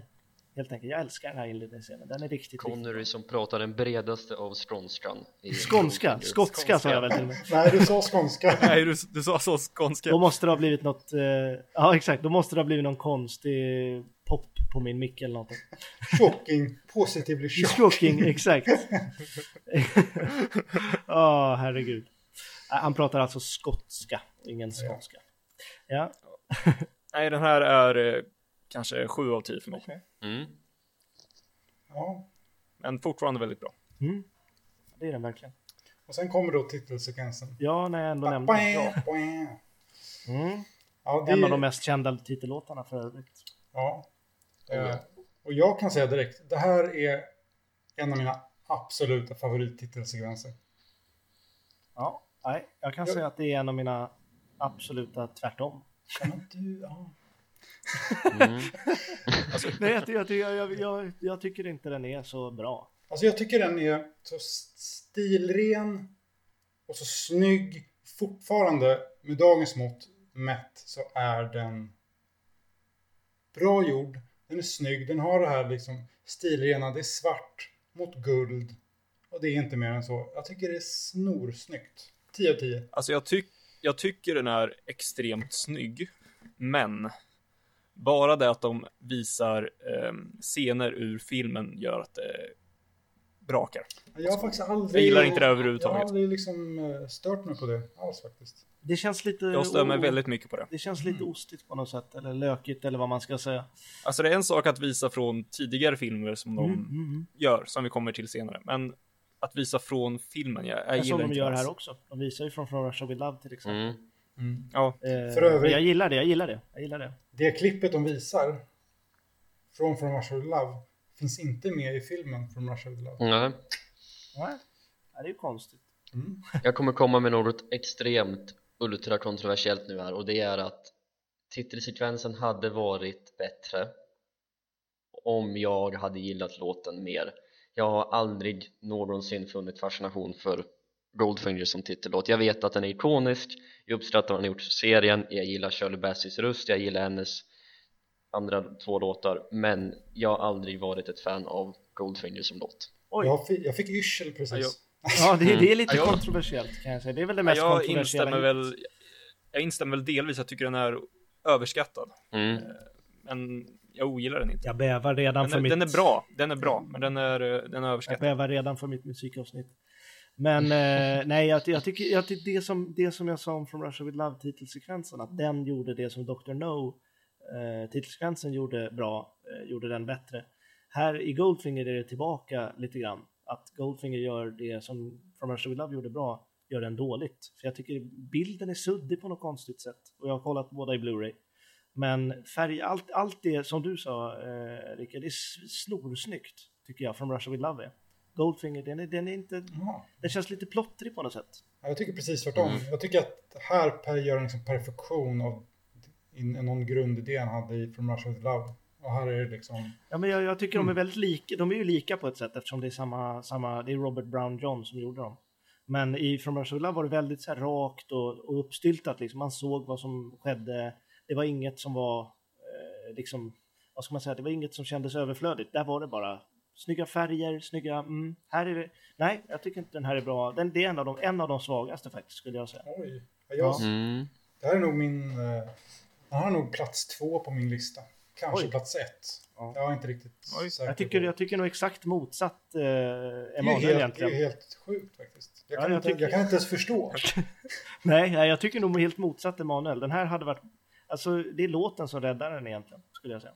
Jag tror mycket har nog att göra med att låten är så pass Den har ett eget liv och hade den inte varit det hade man inte känt till låten innan man såg filmen och så så hade det kanske varit bättre men det är just att den är så pass som Emil säger över Jag gillar inte ordet men den är överskattad gentemot många andra Bond-låtar som är bättre Okej. så det är väl det kanske just tekniskt, rent textmässigt och hennes röst allting är bra men låten som så har jag aldrig riktigt personligt gillat Okej.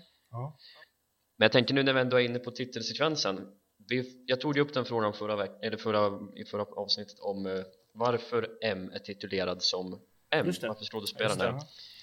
och jag googlade runt lite och försökte hitta ett svar och det fanns inget specifikt svar för just Bernard Lee.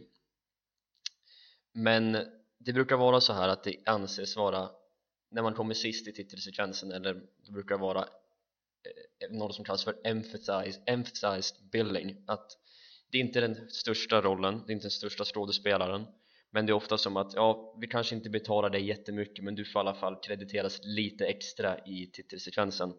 Och oftast brukar det ges till en skådespelare som är eller har varit stor någon gång. Det är som att du är med i den här filmen och det gillar vi men eh, du får den här för att du, har, du, är, du är känd på något sätt. Eh, och det kanske är att de har gjort lite andra saker men att de inte är jätte, jättestora så det är emphasized billing Okej. och intressant nog är att Robert Brown som spelar M i Octopussy till License to Kill han är inte krediterad som M Ja. han står bara som Robert Brown Okej. Så, då fick vi svar på det. Fick... Jajamän. Eh, och då tycker jag vi lämnar inlednings... eller förtexterna och åker till Miami.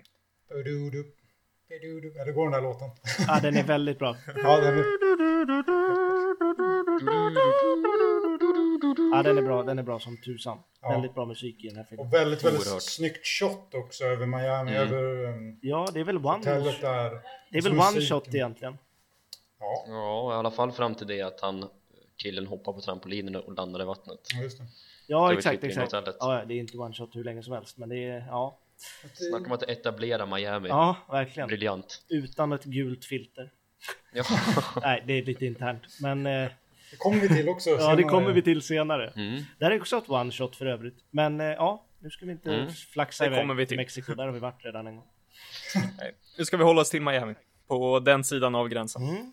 Jag sa när vi tittade på filmen faktiskt eh, att ehm, eh, för er som inte var där, för ni som var där vet ju vad jag sa, men eh, just att i, i den här scenen så är det dels en av de mest, eh, vad ska man säga, vedervärdiga handlingarna av Bond. Eh, två av de mest vedervärdiga sakerna egentligen i hela Goldfinger. Dels när han smiskar Dink på rumpan. Varför kan jag inte sluta skratta åt det? Och- alltså det är så jävla dumt. Och det, det andra mest vedervärdiga, för det mest vedervärdiga är när han sviskar henne på rumpan. Det är- andra mest vedervärdiga är det han har på sig sen.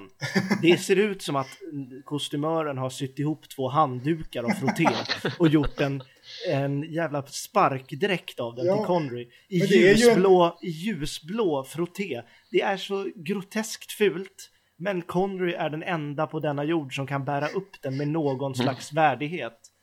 Det, det är liksom, nej, nej, det, det, det är fult men Connery är, nej, nu ska jag sluta hylla Connery, men han är så jävla snygg. Så att han bär upp den på något jävla konstigt sätt. Fast, fast materi materialet eh, i det här klädesplagget ser ju jättekonstigt ut. Ja, ja, absolut. Det, det, ser, det ser ju knappt ut som frotté, det ser ju mer ut som som eh, luddet ur torktubben. ja, exakt, exakt. Som att de bara har sytt ihop någonting av det. Ja, men det är lite så. Han är typ nytvättade handdukar med sånt där ludd till typ. Ja, som de har limmat på. Ja, liksom, för exakt.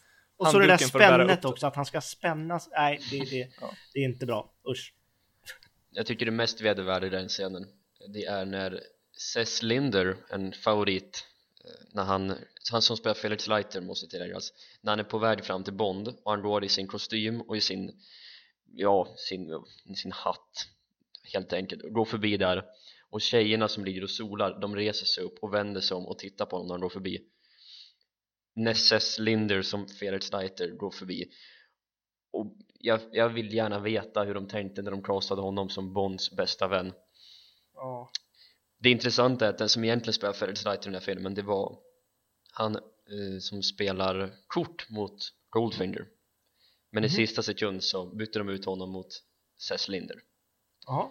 Spännande. ja, lite trivia sådär Ja, verkligen. Men var det, det när de tittar på honom, var det medvetet eller det, liksom, var det, fick de regi att göra det eller var det?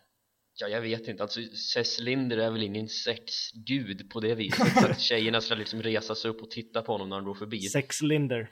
Ja, nej men det, det, det är inte så. han Nej, går det kan sin fiskhatt och sin gråa lite för stora kostym och så bara, ja. Ja, herregud. Ja, så Nej, kom, det ser ju mer ut att han skulle spela Q eller någonting. ja men precis och då var han Han ändå yngre än Jack Lord som spelar Felix Leiter i Dr. No Varför? Ja, jag gillar Jack Lord. Jag tycker han var skön alltså. han skulle ju ha kommit tillbaka.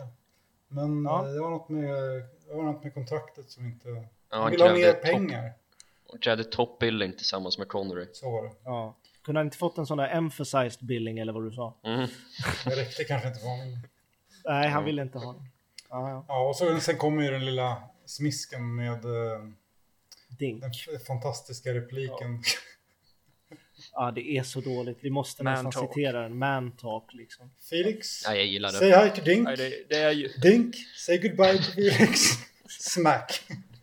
Man Ja, talk. det, är, det är Nej, det är ju så skämskund alltså. Ja, det där är, det är första riktiga skämskuddemoment. Nej, jag- Men redan här det. i första, i första liksom, jag vet inte hur långt det har gått när det kommer till Miami, men redan i inledningen och fram tills nu så märker man ju att det är en, inte är en Terrence Young-film. Mm. Utan man märker att det är extravagant och det, det, det luktar Guy Hamilton hela vägen liksom. Det, det, Mm. det blir liksom löj, löjligt på ett sätt som inte har varit där hittills i alla fall. Både på gott och ont. Mm. Ja, det, är, Men, det, är eh, sagt, det är ju tydligt att det är en annan person som, Mm. som styr är rodret och inte är intresserad av, av det liksom. Han, han vill göra på ett annat sätt. Han tycker inte att Ja. det är thriller-delarna som, som är så intressanta helt enkelt. Nej. Men nej, så är det väl. Och Det är väl. det, man kan väl inte heller klandra honom för det, för att han gjorde den här filmen så som han ville och det blev en megasuccé i USA. Ja, ja Mm. Så definitivt. Det är svårt att klaga på det, tror, även om jag tycker att filmen innan är bättre. Och sen kom ju i och för sig eh, Terrence Young tillbaka i nästa film och gjorde också en dundersuccé med sitt sätt. Absolut. Så att, absolut. så att då fick man ju Mm. två av, eh, man fick ju det bästa av två världar i två olika filmer Det är egentligen. sant. Faktiskt. Eh, Men här får vi ju se Goldfinger första gången också. Ja, jag gillar det när eh, Bond smyger runt och ska försöka lista ut Goldfingers lilla fusktrick. Mm. Och det är ju fantastiskt när han, när han är på hotellrummet och går ut på balkongen till, ja vad heter hon? Jill. Jill heter hon. Det är ju liksom, det är ju, Connor blir ju inte bättre än så. Det är ju bara, Nej. det är bara, osar ju sex på flera mils avstånd. Ja, ja, definitivt. Ja, det är ju otroligt. Hans Bond, James Bond i den scenen, det är väl den Ja. enda som kan trumpa hans introduktion av Dr. No. Ja, jag tänker överhuvudtaget när man säger den repliken i någon av filmerna så är det bara Goldfinger. Det möjligtvis kommer upp i samma nivå som i Dr. No. Ja, det kan jag nog hålla med dig Och just musiken gör väldigt mycket där. Och han smyger sig framåt mot kameran och mot Ja. Jill som ligger där så är det lite halv sex, eller inte halv utan hel sexet ligger där och bara och så Ja. låter musiken i bakgrunden och Ja, Ja, nu är den, nu är den ju, nu är den musiken om möjligt ännu mer eh, eh, förstärkt här än vad den var i Mm. Dr. No. Här är det verkligen Bond-tema eh, vaganza liksom.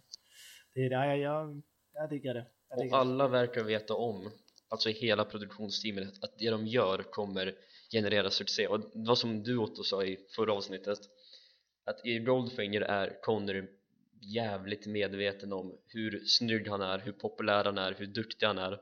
Och det märks direkt från första scenen på ett sätt som inte märktes i varken Dr. No eller From Russia With Love.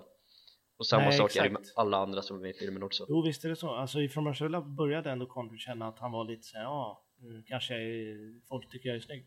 Men i Mm. Goldfinger så var han ju helt säker på det och det liksom spelade verkligen på det. Ja, Eh, Men hela scenen efteråt också gillar jag. Den, det är också så här, mycket sex helt enkelt. Och Jill, eh, Jill dör ju snart också. Mm. I en av de mest ikoniska eh, dödsscenerna. mm. Eller man får inte se när hon dör, men man får se henne döds... Målad. Ja, målad Ja, ja. det är ju väldigt ikoniskt. Det, man, det, det går ju liksom inte att säga något om det. Det är ett av de, en av de kändaste scenerna i hela serien. ja Mm. men stillbilden på det vart ju liksom omslag på Time Magazine och Ja. allting liksom. Och, Så att det, och användes som reklam på 50-årsjubileet. Och, ja exakt, men guld, guld är ju liksom den färgen, alltså eh, över svart och, och vitt och rött, de van- vanliga, vanligaste färgerna liksom. Så Guld är ju den mest kända Bondfärgen. ja, Mm. den, har ju, den har ju betitlat eh, tre filmer. Så att det är ju inte så Ja, och konstigt. liksom ett känt spel såklart på samma film. Ja. Och, men hela, alltså mycket, mycket är ju i guld eh, utanför fi- de filmerna också liksom. Så att, ja.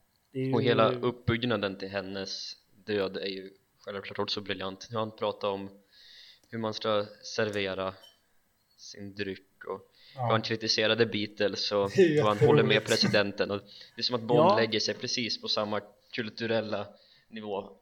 Han håller med presidenten vilket då ska väl föreställa var JFK även om han hade varit död vid tillfället då filmen kom och så kritiserar han The Beatles. Och Bond kommer där och lägger sig på topp tillsammans med de andra kulturella fenomenen 1964 jag, jag gillar det, det är helt otroligt. Ja, men det är väldigt många bra, bra eh, sköna repliker. Han shocking positively shocking där i början. mm. Och sen när han eh, snor, eller drar snarare nyckelsnöret från hon eh, eh, Piccolo-tjejen där Mm. i, eh, hon bara, ah, vad gör du? Det här är Goldfinger Sweet. Ah, you're very sweet. Och sen så drar han. Och sen så när, när de håller på och har lite kuckelimuck för sig i, i sängen så lyssnar de ju på radio och då säger ju eh, det är någon nyhetsreportage där och de Om säger presidenten. "Pres- The president said he was entirely satisfied. Sen så slutar han, eller stänger han av radion och säger That makes two of us.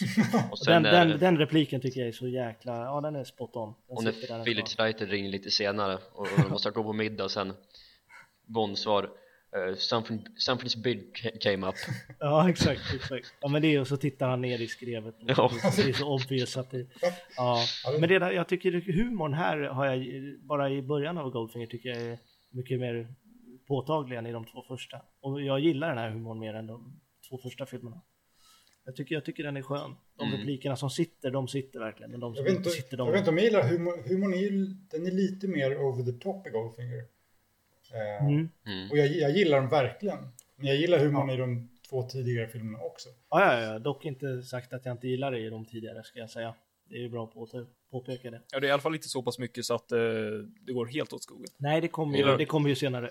Det kommer senare. Ja. Det är fortfarande Eh, sofistikerat på något vis Ja, Ja. Eh, Ska vi lämna Miami och gå vidare? ja det tycker jag. Eh, och då har vi mötet med M. Han åker till London. Efter Det är Miami. en riktigt bra MC-scen faktiskt. Oh ja, Ja, den mig. är lite bortglömd, Ja. slog det mig också. Både hans utstyrsel, det var det jag tänkte på först, men nu kommer jag på att hela scenen, både Moneypenny och M-scenen är lite bortglömd i den filmen faktiskt. Ja, Mm. Bond är så, han ser så underkastad ut på något sätt. Han står där, Ja. tittar ner, lite tystlåten. och han verkar vara arg Han är Ja. ilsken och förtvivlad lite grann. Eh, Det var det jag tänkte på, att hur, hur M bara totalt sågar ner Bond totalt när han när Bond gör lite motstånd och börjar säga emot M och börjar argumentera lite just på grund av hur han känner just där när Gilla blivit mördad och så och, Bond, och M totalt bara trycker ner honom totalt utan att föra vidare diskussionen Ja. till skillnad Ja. från hur M och Bonds relation är nu såklart de nya filmerna där Bond alltid verkar ha den övre handen i diskussionerna med M Ja. Ja det ska finnas en det- Bernard Lee som trycker ner Bond så ska Ja, det det vara när det är Bond och M Ja, någon måste ju göra det. Ja, Och M kom, lägger ju också i eh, sen när eh, Bond står och snackar med Moneypenny också. Ja, mm. Vilket är vä- väldigt bra scen med Moneypenny med. ja Oh, ja. exakt. Är det då eh, M säger den där, eh, när Moneypenny frågar Who is she? She Mm. is me. Ja, Är det, Ja. är, det, är det Goldfinger? Det har jag glömt. Ja, det är den. Jag ja. älskar den repliken. Det är, det är smart, smarta repliker. Ja.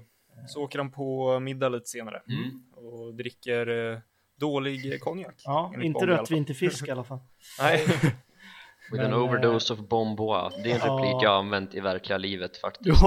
Och jag Ja. i sammanhang som såklart inte alls har passat in Men folk i min närhet, de bara antar ja, Det låter så smart. om. Ja, exakt. Så det brukar fundera och säga det with an overdose of bomboa Det ska jag komma ihåg.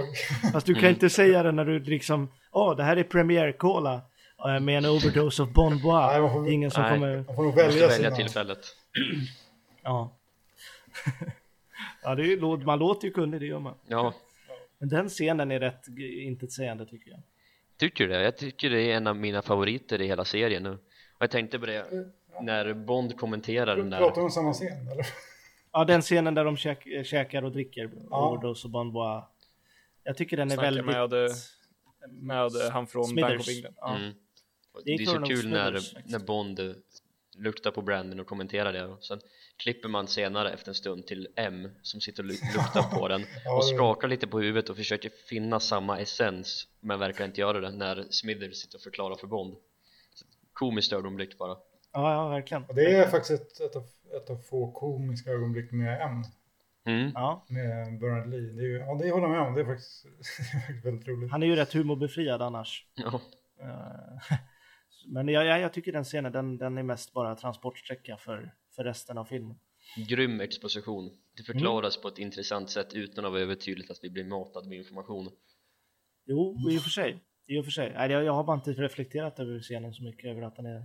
Jag tycker den är, den är lite intetsägande, varken bra eller dålig. Ja, samma här. typ. Den, eh, den finns där. Ja, exakt, den existerar. Den, den är där. Ja. Eh, Och sen är det väl golfen va? Nej, innan ska vi till Q. Ja, Ja, innan ska vi till Q ja, just Och det. därför Eh, har vi ju, där har vi däremot tvärt emot. Ingen, in, ingen intetsägande scen. Ingen inte säger scen. Nej. nej, den har Eh, ju sett, Väldigt, väldigt bra scen. det är ju den första riktiga Q-scenen när Q Mm. är Q. Ja. Ja, det är väl egentligen den bästa Q-scenen.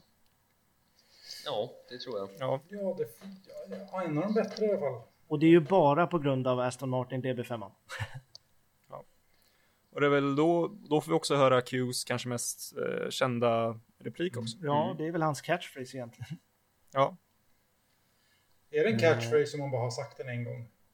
Ja, men eh, John Cleese nämner den ju sen i eh, Ja, Die Another. Day. Och det fungerar lite halvdant om vi säger så. Och han säger ju för sig, John Cleese säger My predecessor used to say. Då Mm. får man väl anta att han har sagt det några gånger till. Förvisso. I never joke about my work 007, säger han i alla fall. Den, då får man faktiskt tacka Guy Hamilton för den karaktäriseringen av, av Q. Så som jag förstår det var det hans idé att, att Q inte skulle gilla Bond. Mm. Mm.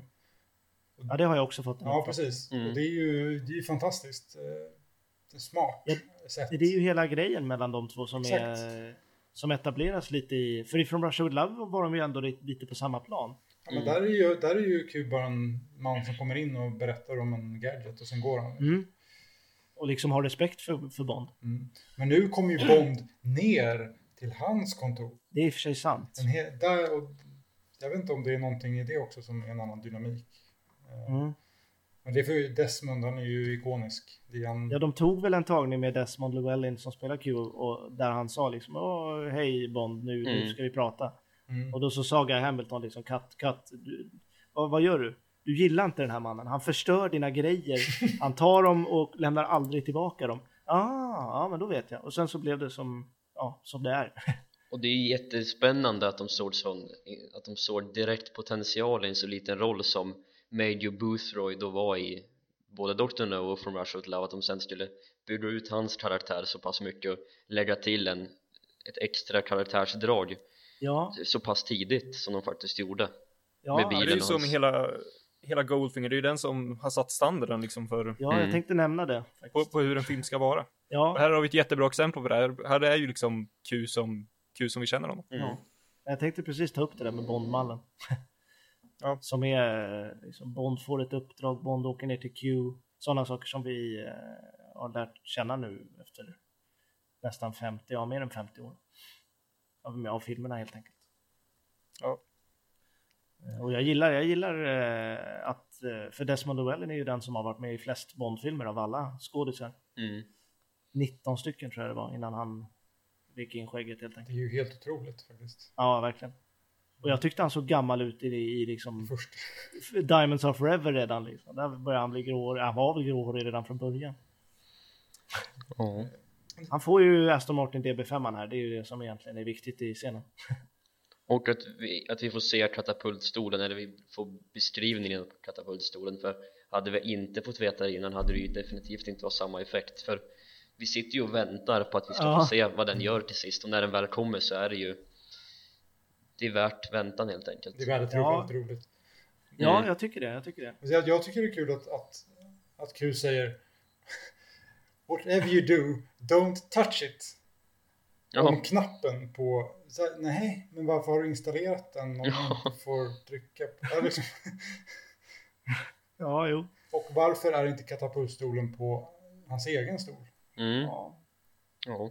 Ja, Den enkla anledningen är väl för att kunna skjuta ut passageraren, men Ja, sånt enkelt svar vill du kanske inte ha. nej, men det är ju därför. Nej, men, det, ja, det, ja, det är ju jätteroligt, det är en fantastisk gadget. Men Ja, det, är så här, det, är- det var nu för första gången på 15 år och jag har sett filmen 30 gånger. Det var det första gången jag, jag liksom reagerade på det. Eh, Och han, och han får ju även en, en homing device. Mm. Ja, Just det, och det var ju tydligen väldigt eh, nytt då. Det fanns ju inte på det sättet. Nej, det var ju någonting som är, eh, ja, som inte existerade överhuvudtaget. Det är ju som en GPS i stort sett. Eh, Sen kommer golfen. sen kommer golfen. Ja, Ja, och vad tycker vi om den scenen då? jag tycker det är, det är nästan min favoritscen i hela filmen. Mm. Jag tycker den är, jag tycker den, allt, allt är så snyggt. Conrys kläder, eh, Conrys kläder är snygga. Goldfingers kläder är fula men de passar i scenen. Men det är ju, eh, det är just hela grejen med det. det, Goldfinger så, går ju alltid runt i liksom gyllene, gula, brun, Ja. gyllene kläder. Det är ju hans grej. Det, ja, men det ser ut som att han firar påsk hela ja, ja, året det, om. liksom. Jag tycker det är jätteroligt. Det, det, är Ja, liksom, ja, han, definitivt. det är liksom han är, det, karaktäriserar det, är det är ju lite mind games mellan de två här. Mm. Bond spelar på hans kärlek till guld. Eh, Goldfinger spelar på eh, Bonds liksom vilja att förlora, eller eh, vad heter det? Eh, trolighet att förlora eftersom Goldfinger fuskar ju som attan. Så att det, det blir lite, ja nej jag, jag gillar det. Ja, sam samspelet mellan alla karaktärer i den scenen bara är riktigt skönt. Ja. Även den lite mera, vad ska man säga, inte excentrisk, men uh, Cadin som Mm. Bond har. Han är skön också, jag gillar honom. Ja, han är också riktigt skön. Ja, De kompletterar varandra alla i den där scenen väldigt väl. alla som kan sin golf gillar ju repliken om Arnold Palmer också. Ja, Ja. Så att eh, nej, den, den scenen gillar jag. Och så är det lilla, det, min favoritdel med, med golfmatchen, det tycker jag är när, när Goldfinger står och fokuserar på att han ska putta. Han har typ en decimeter till hålet och så slänger Bond ner guldtackan. Tittar han på den, siktar igen och så missar han världens enklaste. Ja, det är... Jag tycker det är jätteroligt. Det, det, är liksom, det, det karaktäriserar Goldfinger så himla mycket. Så fort han får sig guld, då tappar han konceptet om allting och missar. Liksom. ja och hur Bond blir direkt orolig när han inser att han har faktiskt satsat den där guldtackan det är ett litet litet ögonblick som Connery gör han, han ändrar om sin position han ska precis skjuta iväg golfbollen precis när Goldfinger att de ska spela om guldtackan då. och han tittar runt lite och nästan ser förfärad ut över prospekten att förlora den där golfmatchen och förlora statlig egendom Ja. Jo, jag tycker, den, jag tycker det, är, det är en bra scen. Den är, den, den, det här är en scen som faktiskt har lite segt tempo, men eh, av en väldigt bra anledning. mm. För de, de bygger verkligen upp, liksom, den är inte spännande på samma sätt som, som scener som är spännande, om man säger så. Men den är, den är inte långdragen på något sätt. Jag tycker den bara är väldigt behaglig, skön att titta på. etablera karaktärerna och handlingen Ja, verkligen. verkligen. Ja, Etablerar verkligen eh, Oddjob sen också när de kommer tillbaka till, eh, till Mm. klubbhuset. Mm. Det där är väl första gången man ser Oddjob. För man ser honom ju inte riktigt i Miami där när han ja ser man skugga bara. Ja, man ser skuggan. Ja. Ja. Men vi vet direkt ändå vem det är just Ja, siluetten och det som är så fantastiskt ja, det är sant. Det är sant. Sen åker de väl eh, ut ur eh, England. mm. Och då kommer den här bilscenen som jag tycker är otroligt mycket bättre i, i eh, filmen än i boken. Mm. Här är den riktigt, riktigt snygg. Jag tycker den är lika bra faktiskt i både och. Det är samma sak här.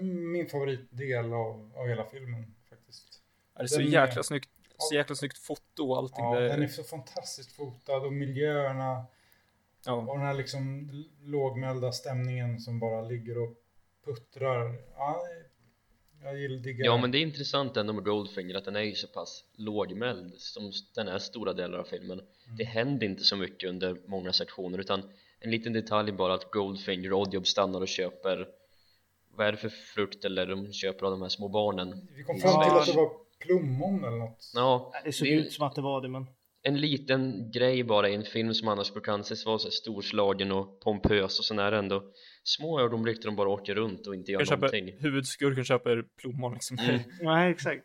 Det fotot är ju riktigt, riktigt Makalöst. snyggt. Ja. Ja. Just att det är fyra fokuseringspunkter. Först längst, eh, längst bak i bakgrunden Mm. så är det ju den här lilla bäcken som porlar. Och sen så lite längre fram så är ju Goldfinger, Oddjob och eh, bilen, Rolls Royce eh, bilen. Mm. och eh, sen är ju Connery med sin Aston Martin och längst upp är Tilly Masterson med geväret. Mm. Och det blir liksom så djup ja, i bilden. Jag, jag gillar det. Ted Moore ska ha en riktig eh, shoutout. Det är sån Ja, det är skit. klassiskt där. En person som tittar på en person som sitter på en person som tittar på någonting. Alltså det är Ja. liksom... Ja, det är snyggt. Ted Moore heter han. Ted Moore, Eh, ja. Fotografen. Fotografen. Han, har ju, han har faktiskt gjort alla de tidigare vi har pratat om också. Mm. Alla fram till The Man with the Golden Gun förutom Only Live Twice och Honor Majesty's Secret Service och han Okej. var ju med i, han är ju stilbildande, kanske inte riktigt på samma nivå som John Barry och Canada men hans visuella språk är ju med redan från början och har ju på viss del satt ton för resten av Bondfilmerna Ja. Ja, för jag har ju i båda de tidigare avsnitten som jag spelat in så har jag ju hyllat fotot något så här kopierat. Mm. Jag har bara suttit och det har bara regnat hyllningar från mig över just fotot. Och jag har Mm. liksom sån här liksom crew, vilka som jobbar på filmerna har aldrig varit min starka sida. Sådär. Och då insåg jag ju nu att det är ju samma kille som har fotat allt det här. Och det är ju, han är kung alltså, Ted Moore, en fantastisk fotograf som sett, han tycker jag har satt jättefin prägel på just de här tidiga 60-talsfilmerna faktiskt. Ja. Gjorde de billigare än vad de, eller gjorde de dyrare menar jag, än vad de faktiskt var. Ja, de ser dyrare ut än vad de faktiskt. Mm. Ja, verkligen. En svaghet med hela den här scenen, det är, ju- tycker jag är när Bond ska ge Tilly punktering. Det är ju bara jättekonstigt. Ja, jag vet inte. Det, det håller jag med om. Oh, double blowout. Ja. Men liksom, han ska då få henne att stanna och då väljer han att demolera hela hennes kaross. Ja. Och Ja, så, men det är så konstigt Hade, liksom. hade, det Han- inte, hade det inte bara räckt att ge en punktering på en, ett utav däcken bara? ja, men hon kan ju inte gå på att en double blowout även förstör halva karossen. Alltså, Ja, men det är så det är konstigt. Det är ju inte explosiva däck man har liksom. Det är inte C4 de pumpar in i däcken utan det är ju liksom, det är ju luft liksom. ja, det Nej, är, den, den är inte bra alltså. nej. Och hon är en väldigt, hon, hon är ingen bra skådespelare. Nej. Hon Nej. agerar väldigt märkligt i alla hennes scener. Det är tur att hon inte överlever så länge. Men, Ja, Men in, inte minst just det som kommer efteråt. ja, Eh, Hela, med fabriken, hela fabrikdelen tycker jag bara är, jag vet inte, väldigt svag. Mm, det är den Ja. svagaste delen i filmen. Det tycker jag. Ja. Det är för liksom Men- första gången som, som filmen börjar tappa för min del. Ja, eh, Mm. jag känner egentligen, jag tycker att, jag tycker att när han smyger runt Connery så är det rätt spännande då, men sen så blir det rätt snabbt att det tappar. Ja, det är Mm. väldigt... Ja, och sen kommer Tilly och inte kan skådespela och sen hela jakten är ju bara, Den är väldigt Komisk. Antiklim, Mm. Ja. Antiklimatisk, Ja, heter det så? Antiklimaktisk. Ja. Mm. Men jag håller med, alltså, precis i början när, när Bond då ser fabriken och så går han och sätter sig typ uppe i skogen för att liksom titta in på området. Mm. Och så klipper de över så att han sitter på exakt samma ställe fast det är helt kolsvart. Det tycker jag är coolt för då förstår man att och jäklar, nu har, nu har jag suttit här i sex, 12 timmar, liksom. timmar liksom. Då, då, det är det här agentiga som liksom tar sig in i filmen. Och han på sig den här spionutstyrseln som jag Ja, verkligen, verkligen gillar. det är riktigt, Ja, riktigt jag älskar den.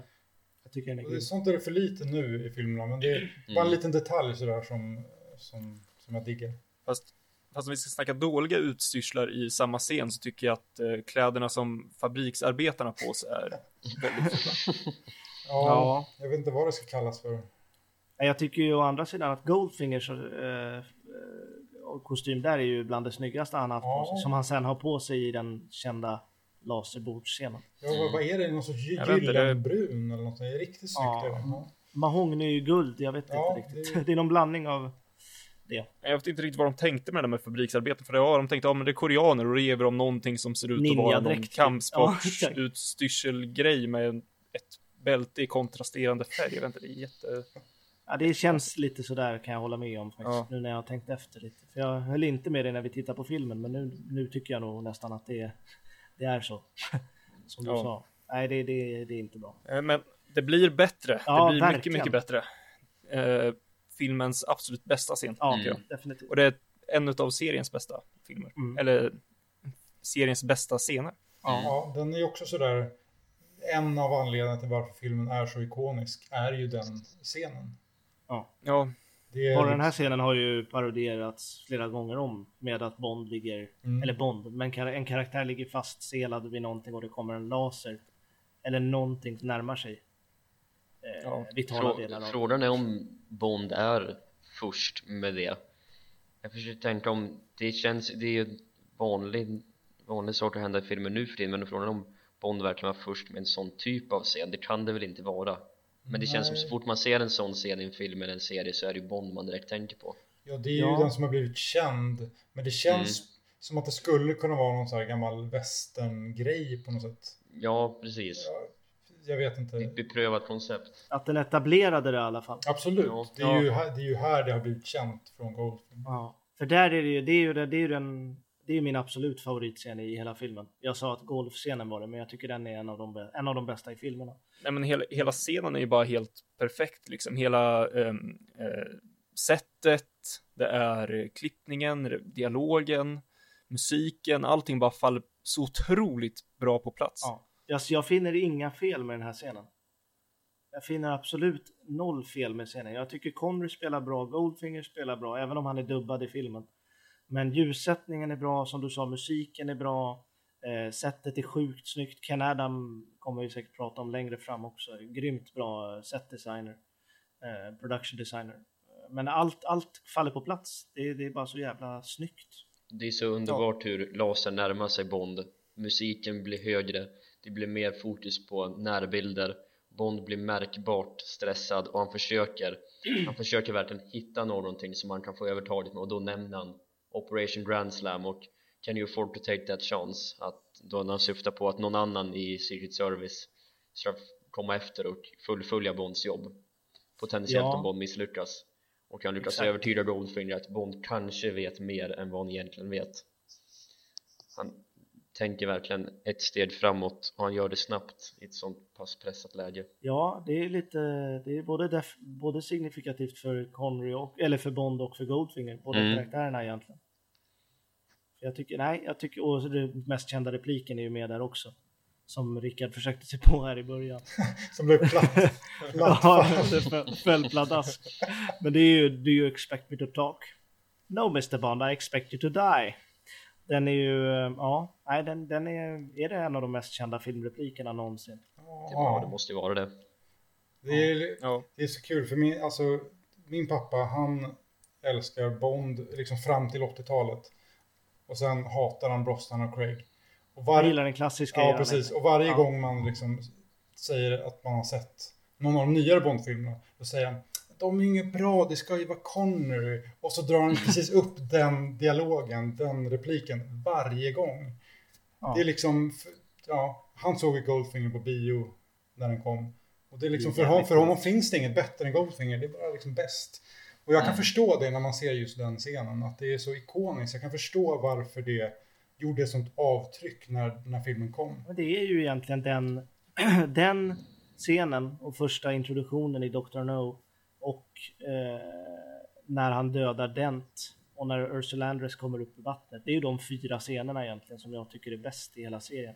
Inte bäst just uh, Ursula Andress komma upp i vattnet, det är ju inte så bra i bemärkelsen bra liksom, men den är ju ikonisk. Det är ju Ja, de- det har definierat Mm, ja. serien. Ja, exakt.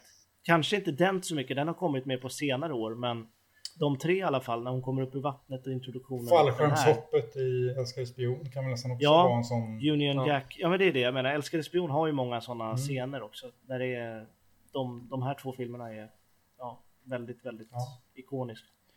Och sen är det ju här första filmen någonsin som har en, las, en industrilaser i, i storyn.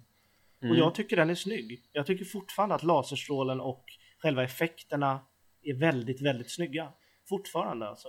Ja, den låter ju lite konstigt, men Ja, det- ljudet på den är, Ja, kan jag laser- hålla med om, men själva laserstrålen ser ändå, ja, det det ser ser ju inte ut helt... som att det är, Nej, Ja, det ser.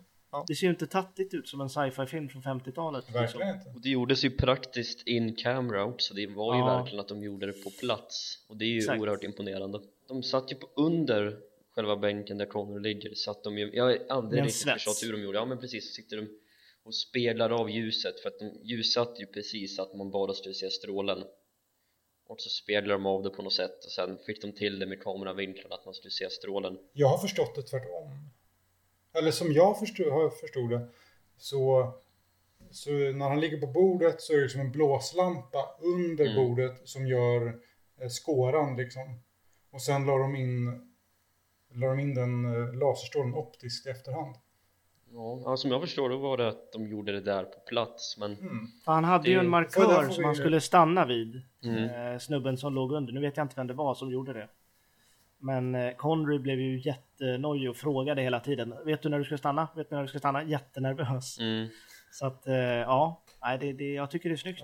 Som Ja, satan. det är, ja, det är skitsnyggt. Ja, där får vi kolla upp så att vi inte Mm. kommer med felaktig information. Ja, jag vet, Ja. att jag, jag vet att jag har sett det och hört det berättas om i behind the scenes på Goldfinger i alla fall. Det, det är jag hundra. Vad, på 100%. vilken, vilken variant hörde du? Alltså, Special edition. Eh, Ja, men vilken, vilken av Ems och min? eh, att, att det låg en gubbe under med en, en svets eller blåslampa Ja. av något slag. Men för, Jag tyckte jag, jag tyckte jag läste det nu här i förmiddags bara när jag bläddrade igenom den sektionen i den briljanta boken James Bond The Archives så tyckte jag att det var att de gjorde det praktiskt in camera Ja, för jag läste det som jag hörde i Some Kind of Hero igår. Mm. Okej. Ja, det har Ja. vi, alla eh, lyssnare, vi kollar upp det. Och, Ja, vi Ja, får vi kollar det. göra det. Nu Ja. börjar ju filmen vi- däremot tappa, tycker jag. Ja, vi går vidare och eh, då får vi träffa den Bondbruden som har Alltså det, det är ju inte ens en sexuell underton i namnet, det är ju... Det är sex bara. Då, då, exakt, det är sex som kastas in i ansiktet genom namnet. Ja. ja, ja, det är det ju. Ja. Alltså, hon har väldigt... förnamnet, förnamnet är ju ett kön Ja. och efternamnet är i överflöd. Så att eh, Ja. det är Pussy Galore helt enkelt. Ja, hon, har, hon har dessutom väldigt pussiga lår. Ja, exakt. Där fick du till den. Ja, och Conrys reaktion är ju precis som allas reaktion torde vara på ett sånt namn. Jag måste drömma eller du skämtar med mig. I must be Ja, men här, ja, men det är som så, här går, börjar filmen tappa. Här går det utför. Ja, Ja, vad, helt klart. vad är det med Bondfilmer som, som, som måste tappa när de kommer till USA? Han har inte där att göra. Han ska inte till USA. Det, det är ingen bra location alltså. Nej, det, för Eh, det har varit så, det är så i väldigt många Bondfilmer. Det känns så oamerikanskt. Ja. Allt, när de slänger in amerikanska karaktärer, eh, J.W. Pepper så blir det pannkaka. Eh, sydstatssheriffen alltså som förekommer längre fram. När de åker till eh, Amerika så blir, eller USA så blir det pannkaka.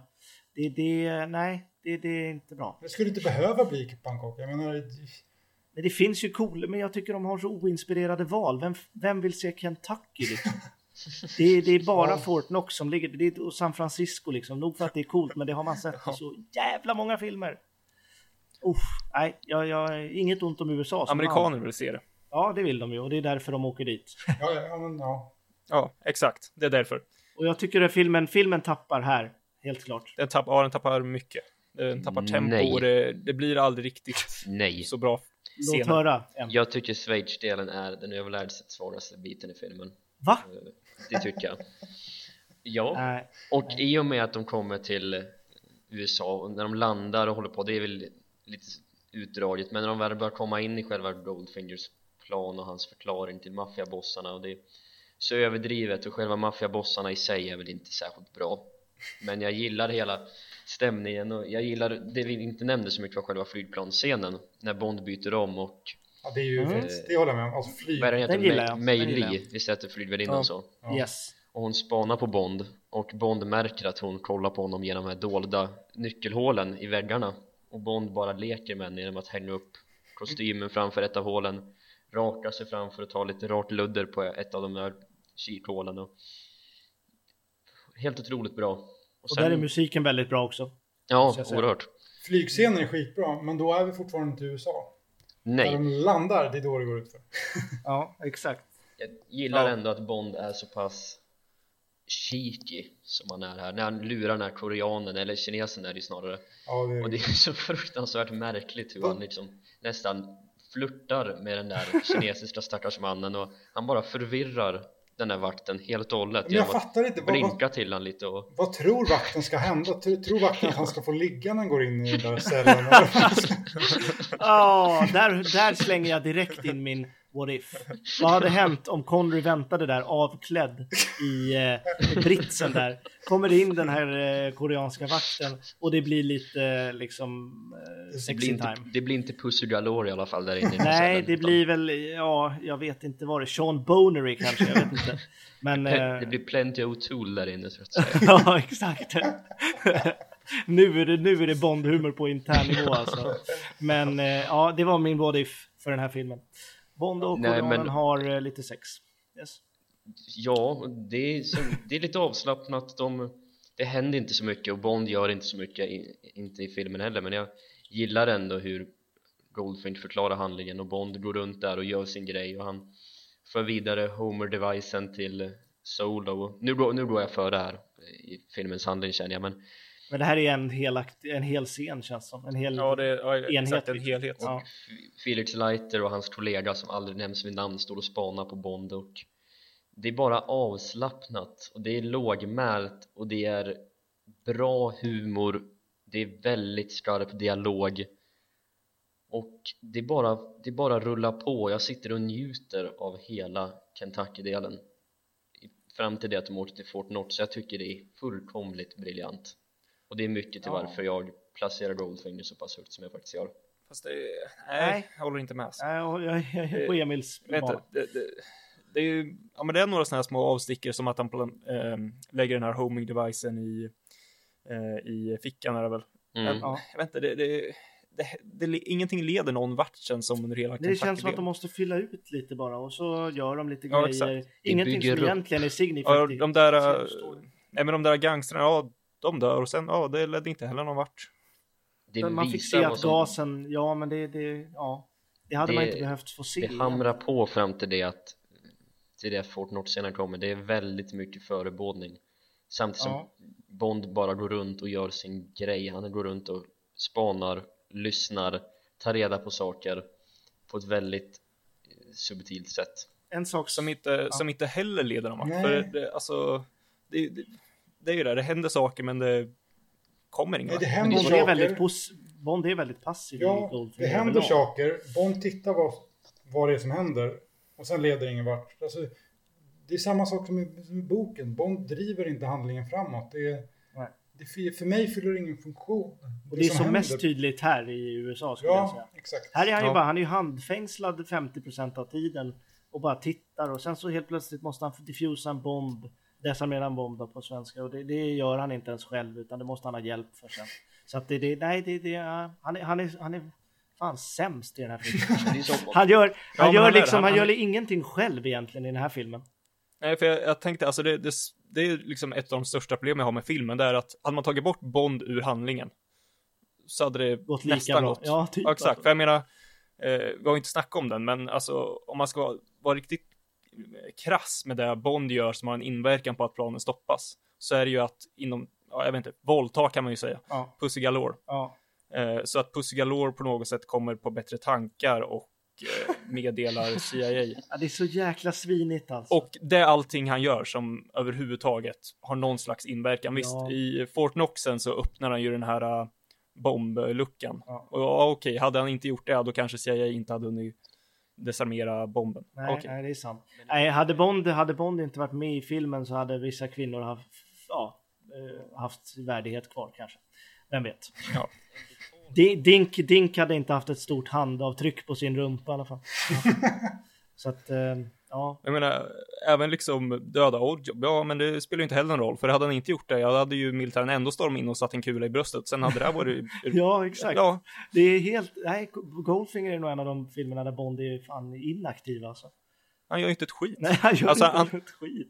Nej men alltså, alltså ska man vara, vara, alltså han hade ju i stort sett bara kunnat gått förbi där på gatan längs den där farmen, sett Puskalor, ja det där är en härlig, snygg brud.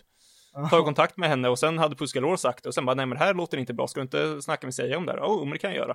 Och det hade blivit samma utfall i alla fall. Ja, typ alltså. Jo, det är lite så jag känner med Goldfinger. Men det, det här är ju egentligen första, första som ni sa med, med plan, eh, planscenen. eh, Där han håller på med Miley eh, och psykar henne med raklödder och kavajer och allt. Där fick ju, det, det var ju egentligen första gången som Connery-filmerna fick lite, ja, en scen i en Connery-film där Roger Moore hade kunnat varit med. mm. Eh, För det hade ju fungerat och även flörtscenen med vakten där hade fungerat med Roger Moore.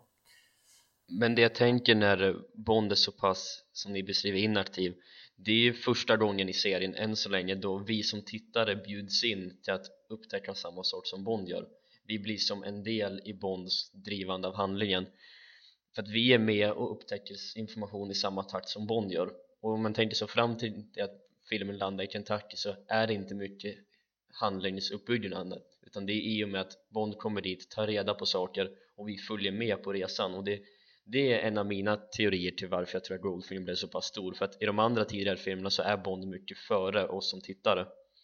Men i Goldfinger är vi aldrig ett steg före honom utan vi upptäcker handlingen och bjuds in till hans värld i precis samma tempo som som Bond utforskar världen. Jag menar vi får reda på Goldfingers plan i och med det att eh, Bond lyssnar in på det och när Bond kommer med sin teori om vad Goldfinger egentligen ska göra med Fort Knox Bond tror att han ska spränga och ta allt guld och Bond har fel och då får vi reda på ännu mer information genom att de andra pratar med Bond Så vi är som Bond Ja. i den här filmen. Jo. Vi blir hans ögon och hans öron. Den scenen, den scenen gillar jag däremot.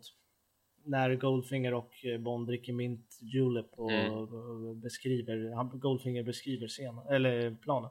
För hela, hela all musik vi hör, allt vi ser, alla karaktärer det är inbjudande till Bonds värld och därför Ja. är Bond så pass inaktiv, vi fungerar som någon typ av jag tappar ordet Eh, vi, vi är som inuti Bond under hela den här filmen vi bara följer med hans för han är överlägsen på något vis Det är synd att vi inte får vara inne i en intressant Bond.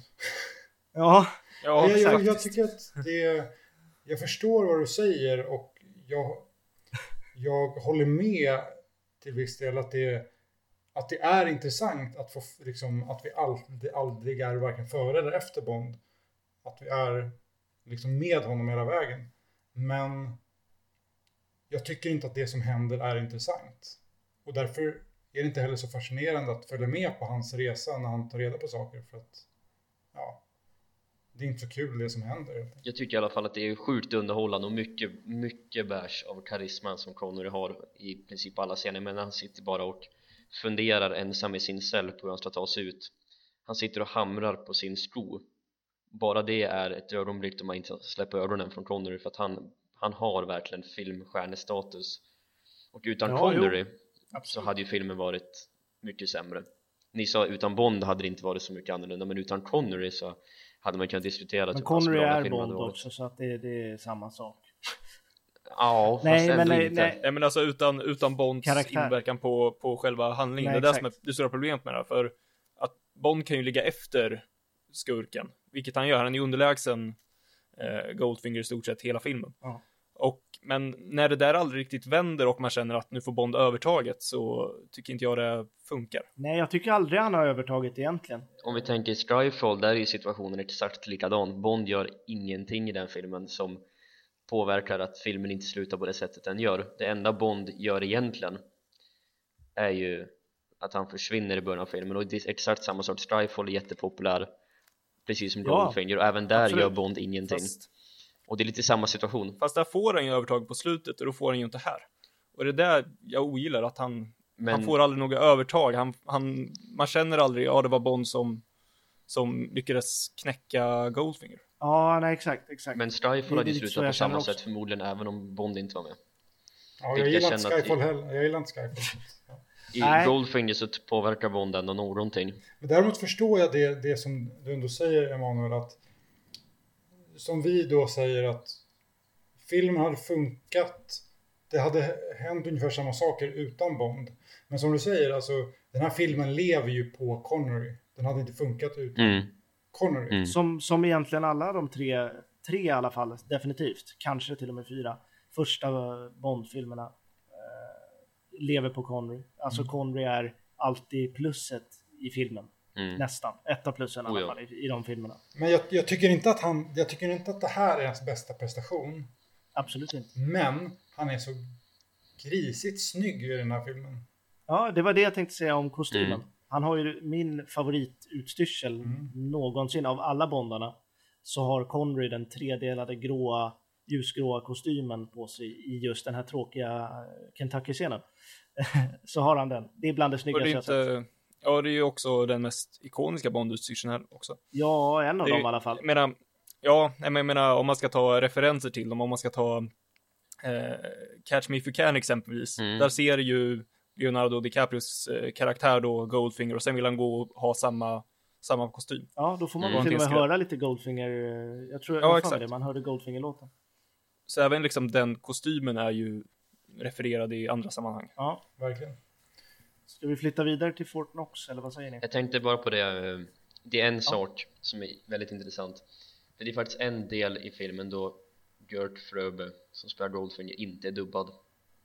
Och det är just när Bond är på väg upp under Fort Knox-modellen och vi hör Goldfinger prata väldigt högt då är det inte eh, skådespelaren som dubbar honom som pratar utan då är det faktiskt Gert Fröbe och det hörs på den extrema tyskan som bara skriker ut ord som är knappt ohörbara Ja, Det har jag aldrig reflekterat nej, inte jag har aldrig Aldrig reflekterat över. reflekterat över. Då måste jag se filmen igen. Fan också. Mm.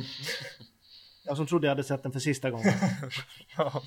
ja. men uh, Fortnox, vi har ju redan pratat lite om det, men... Uh... Då här är ju här ypperligt då att prata om Ken Adam.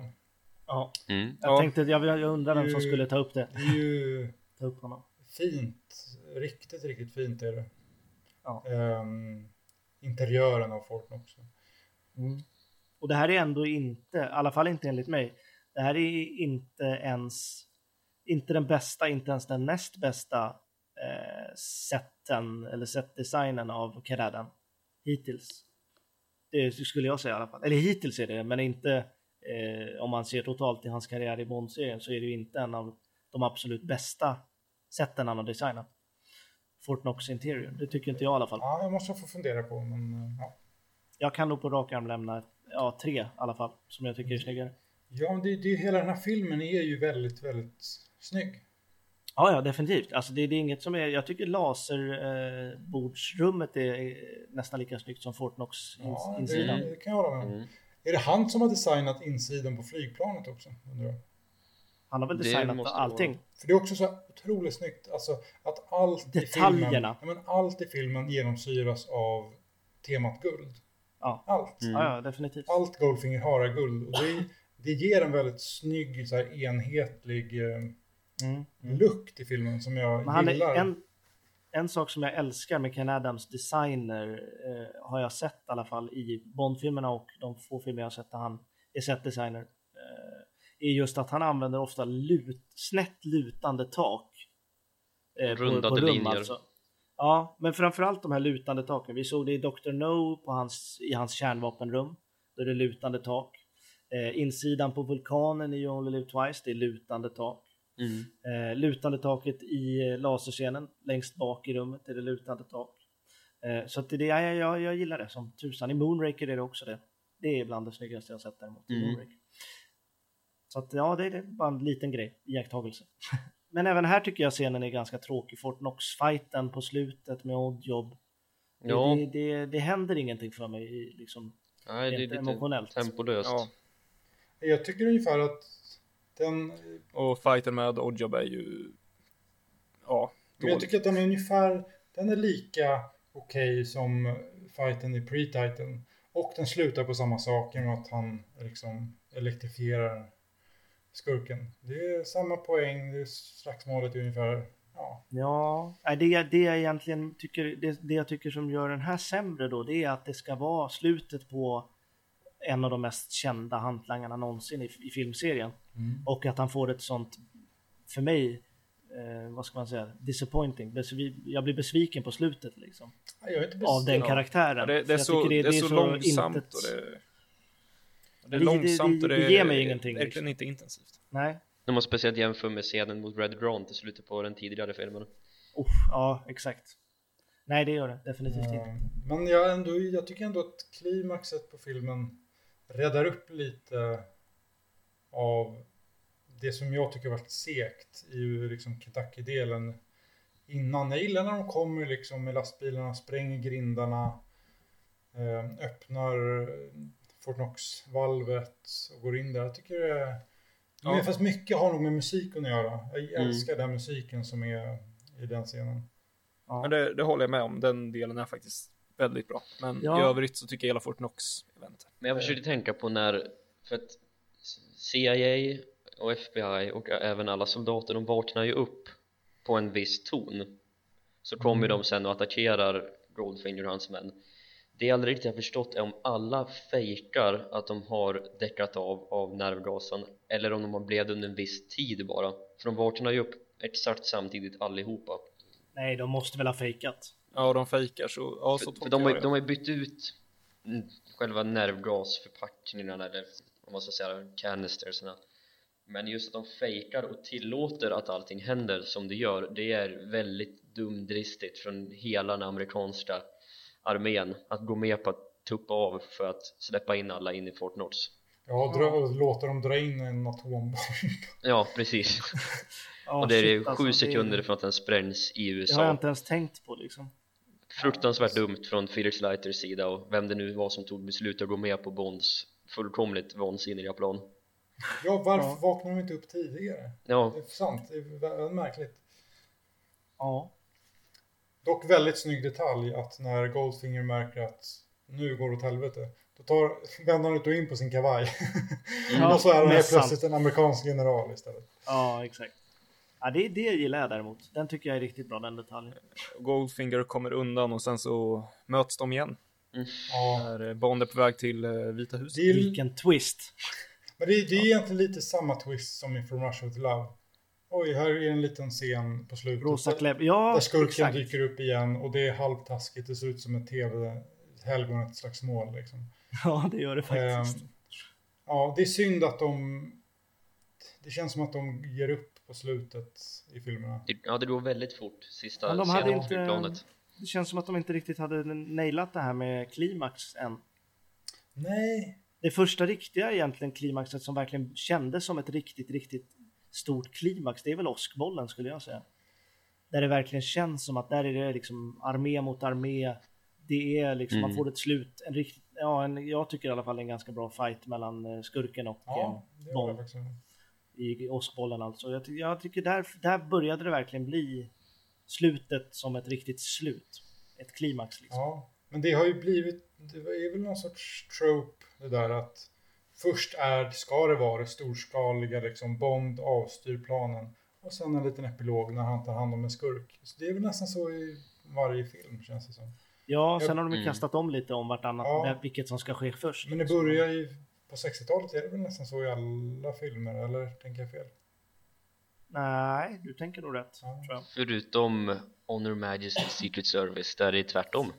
Ja, fast jag tänker ändå att då åker de med helikopterräden, tar hand om Bits Gloria Mm. och sen slåss de på Bob. Eh, Mm, ja, Fast det är som sagt, Bo- Bond dödar ju inte skurken i den filmen. Nej. Eh, ja, ja. Och Goldfingers död är ju inte heller speciellt Nej. Nej, Ja, det är givande direkt. Nej, men då, nej, den är... då kan jag slänga in min uh, bullshitometer. Eh, det var ju två saker som jag... Jag kom på att det var ju två saker jag skulle bullshitta. Det första var ju att nej, man kan inte dö av att bli målad på kroppen. Det, vill alltså då, det finns ju någon... Folk tror ju det fortfarande. Och det är på grund av Goldfinger att om man blir målad på hela kroppen så kvävs man till döds för att huden inte kan andas. Nej, det kommer du inte att göra, så att måla på, alla som lyssnar. eh, och sen om man eh, skjuter ett hål sådär i flygplan i, eh, i ett fönster så kommer du inte att sugas ut. Det kommer bli väldigt kallt och väldigt jobbigt för att trycket utjämnas liksom. Eh, och vissa saker kommer nog att dras ditåt, men du kommer inte sugas ut och flygplanet kommer inte krascha direkt. Så att eh, lärdom ett, måla er gärna. Lärdom två, ni får skjuta på flygplan. Inget vi rekommenderar, men ni kommer inte sugas Nej. ut i eh, luften. Det är ju saker som, det är, det är just med flygplanet, det är ju en sak som fortfarande görs i actionfilmer. Ja, Men det händer ju i var och varannan film, någon skjuter på ett flygplan och flygplanet kraschar. Hände Ja. inte något liknande typ i Iron Man 3 och det är ju bara två år sedan den kom. Ja, exakt. Det är Men det är väl lite det, ja. Nej, men det är väl alltid, det finns ju massa sådana där filmgrejer, att man skjuter på eh, en bils bensintank så Mm. sprängs den. ja. Lite sådana Ja. saker. Ja, sen är ju filmen slut i princip. Förutom att Ja, Bond och den- Pussy Galore, eh, ja. Bond får sin pussy galore till sist. Ja, Man får exakt. känna på Bond hennes... får sin pussy. man, Ja, exakt. man får känna på hennes pussy galore. Ja, exakt. Ja, exakt. Ja. Men den är, ja, Ja, sen är det ju bara roll credits. så ja säga. lite så. Ja. Visste ni förresten att, det, det visste inte jag, det fick jag också lära mig igår, att de, de, de, de skickade ut två liksom, rullar till biografer. Och på vissa rullar så stod det James Bond will return in on Her Majesty's Secret Service. Ja, de Och var ju och scoutade platsen Ja. när de var i Schweiz och spelade in Goldfinger. Och sen de rullarna de skickade ut någon vecka senare, där stod det, då hade de bestämt sig att det inte skulle vara det, då stod det Thunderball istället. Mm. För eh, det är intressant att läsa den här boken The Making of Honor Majesty's Secret Service. Ja, som är en oerhört detaljerad bok om hela den filmen och allt man någonsin kan tänka sig veta om den. Det är att första planen, nu spårar vi av här lite men första planen till Honor Majesty's Secret Service som Richard Maybaum skrev redan under inspelningen av Goldfinger var att huvudskurken i den filmen skulle vara Goldfingers brorsa. Och Monsieur Diamond alltså en diamantgalning Ja. Det är så dåligt. och att han skulle samla på apor i, i Peace Gloria då och Ja, det var den filmen. Ja. Han höll på med aporna och grejer. Christian. Maubaum har försökt få in en apa i alla sina manus tror jag. Det är, Ja. Visst var det han? det är. Alltså det är ju en jävla imbecilla jävlar hela Ja, hans som har första- skrivit någonting till Hans första manus till Dr. No, då var ju skurken någon annan och Dr. No var apan han hade på Mm. sin axel. Det är så jävla konstigt. Alltså. Så han hade fascination för apor. Ja, verkligen. Ja. Men jag vill att eh, Otto ska prata om musik. Är det dags? ja, Ja, jag vill Det också prata med. musik. Det börjar bli hög tid för det. Mm. Hög tid för musik. Så då kör vi musik.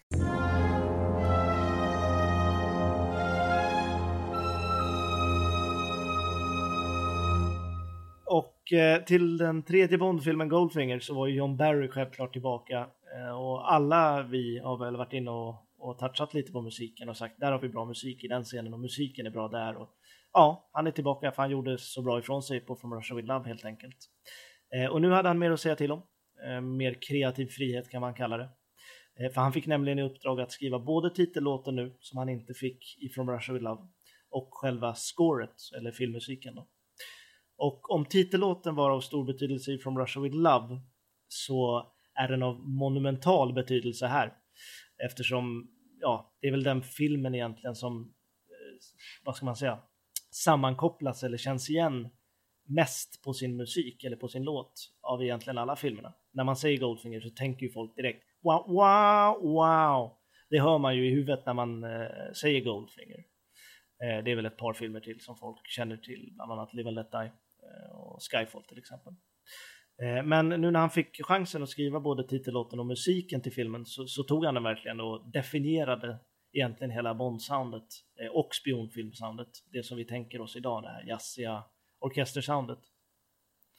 Och eh, ja, tittar vi på titellåten så sjungs den som vi sa tidigare, Shirley Bassey, som är en walesisk sångerska. Och en av de mest kända walesiska sångerskorna får man väl ändå säga. Eh, och också den enda faktiskt artist som gjort mer än en Bondlåt, eh, tre närmare bestämt. Och eh, själva låten då, eh, jag skulle vilja beskriva den på ett lite färggrant sätt som en riktigt kraftfull blåsorkesterorgie eh, signerad John Barry helt enkelt. Eh, för det är precis vad det är, det är blås överallt, hela tiden och lite till. I love it. Ja, jag älskar det också. Det här är verkligen eh, ja, John Barry i sitt esse helt enkelt. Eh, och tillsammans med Shirley Basseys dramatiska sångprestation eh, så blev det också en av de mest igenkända Bondlåtarna som jag var inne och, och rörde på. Ehm, och ja, så här låter Goldfinger. Goldfinger.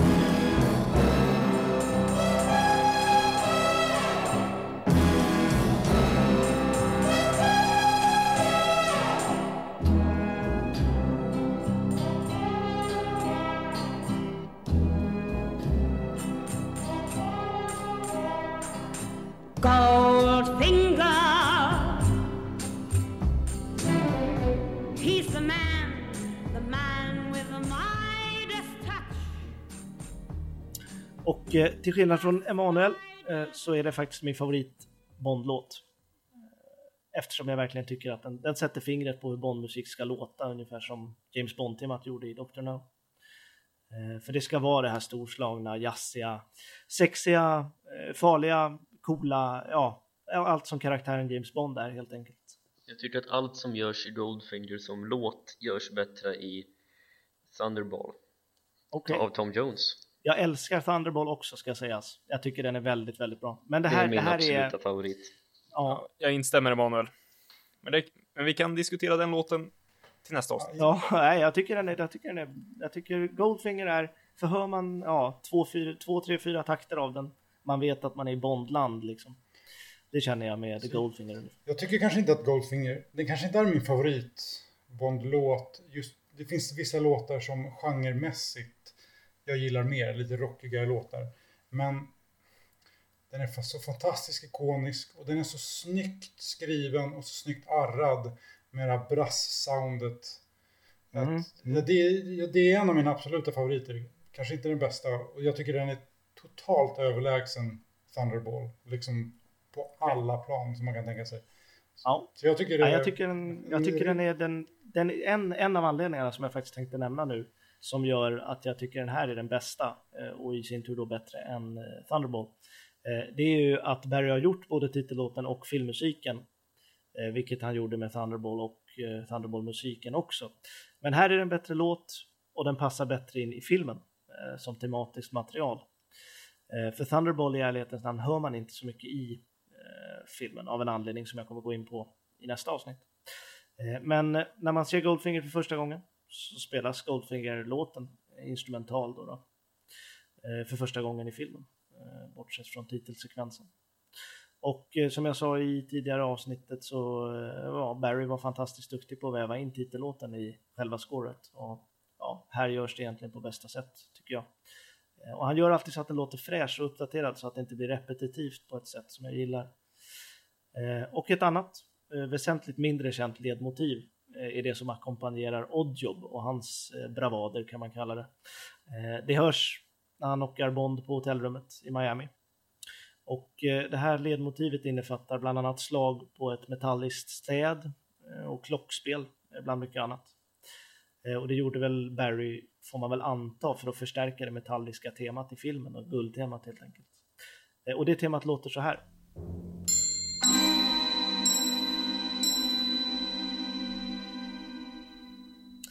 Och eh, Goldfinger är också första filmen i serien eh, där vi inte får höra originalversionen av James Bond Team.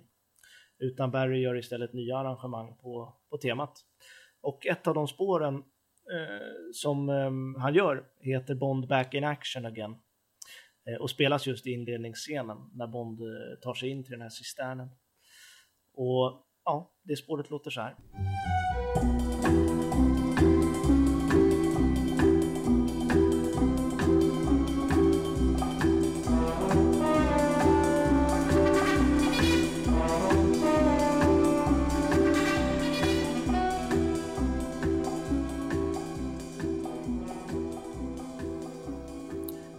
Det är faktiskt ett av mina personliga favoritarrangemang av James Bond-temat. För jag tycker det är så, det är så jazzigt, det är så fint tempo i det. Det, det passar perfekt in i eh, scenen som, som du sa Emanuel.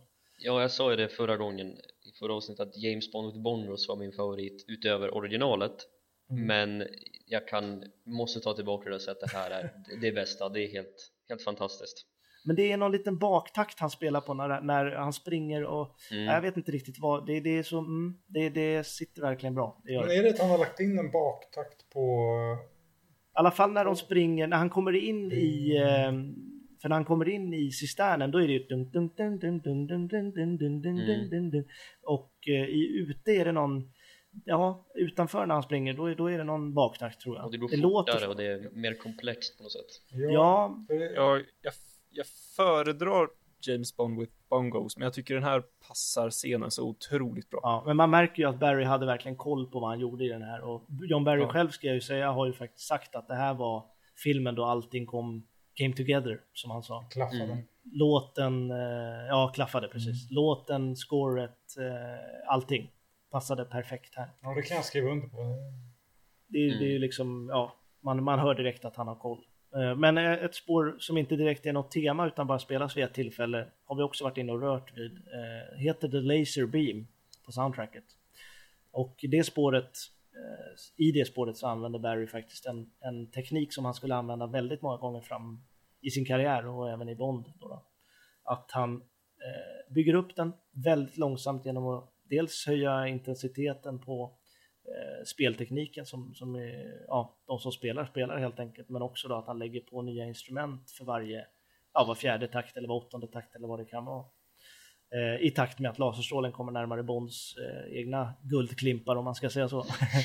och eh, det, det spåret låter så här. Jag tänkte vi lyssnar lite på början av det och sen får ni höra lite av slutet också.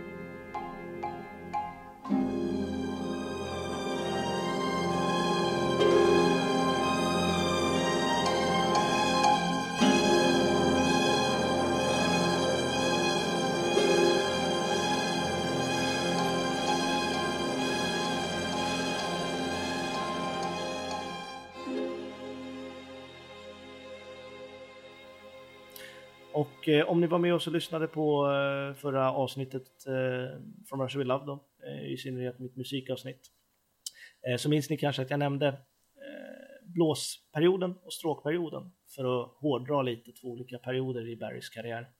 Eh, och här är det då väldigt mycket blåsperioden. Egentligen den mest blåsiga av blåsfilmerna eh, om man ska kalla dem det. För alla spår, nästan alla spår på det här soundtracket har ett eller flera blåsinstrument som är väldigt framträdande. Eh, och jag tänkte att vi kan lyssna lite på ett eh, potpurri av några spår som har väldigt mycket blås.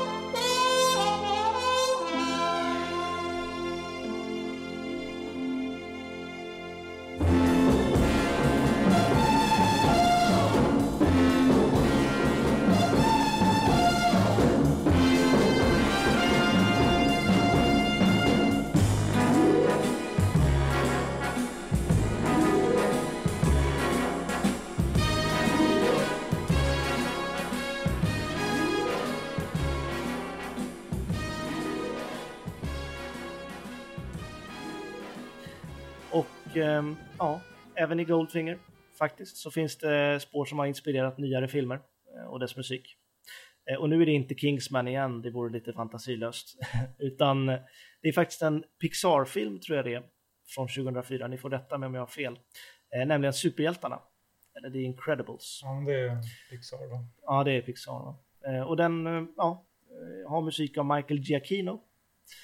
Och spåret från Goldfinger heter Dawn Raid at Fort Knox, som vi också har varit inne och rört vid.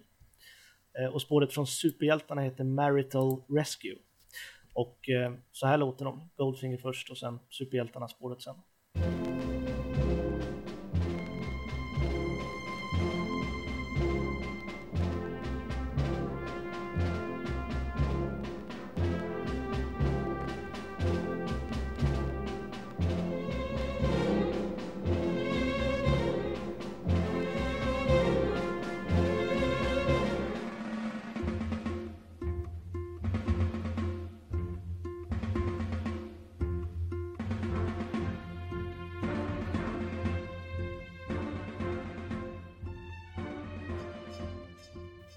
där, det är så kul att det är så väldigt tydligt var inspirationen kommer ifrån.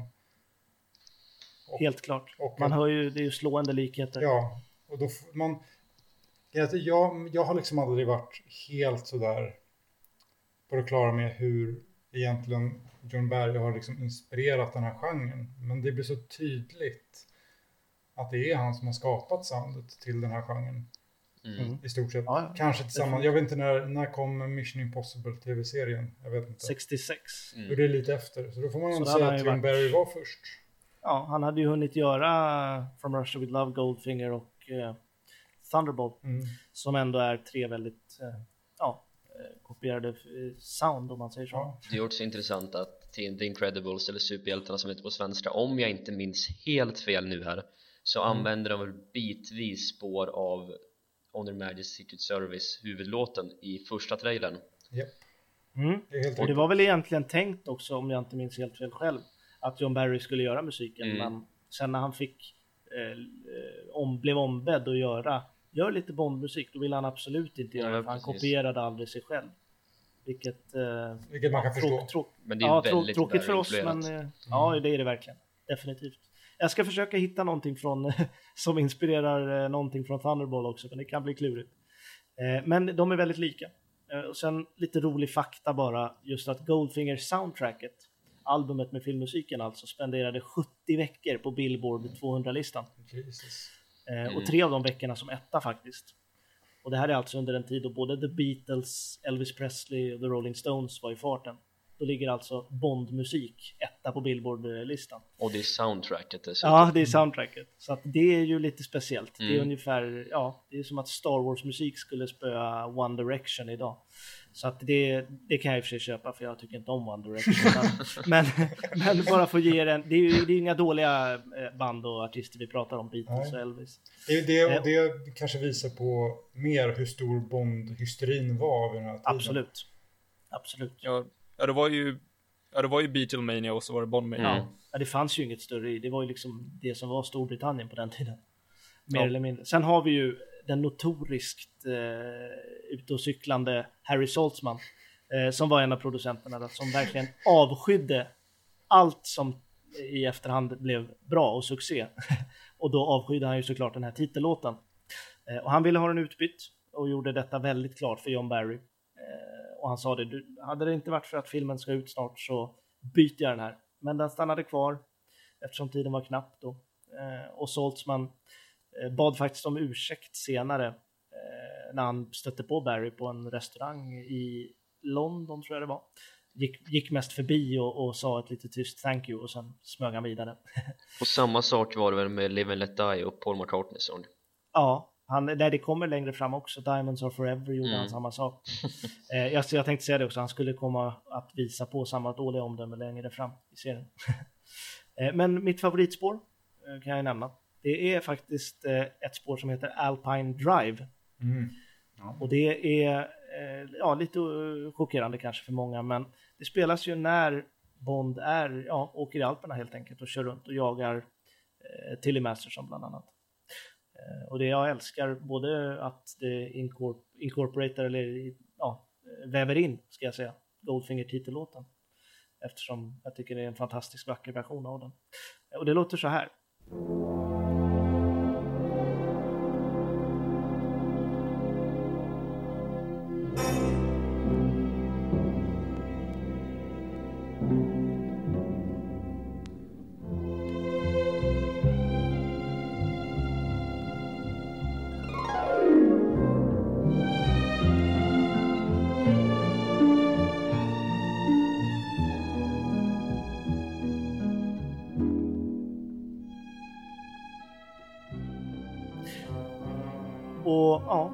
Sist, om ni inte har somnat nu, så tänkte jag bara säga vad jag tycker.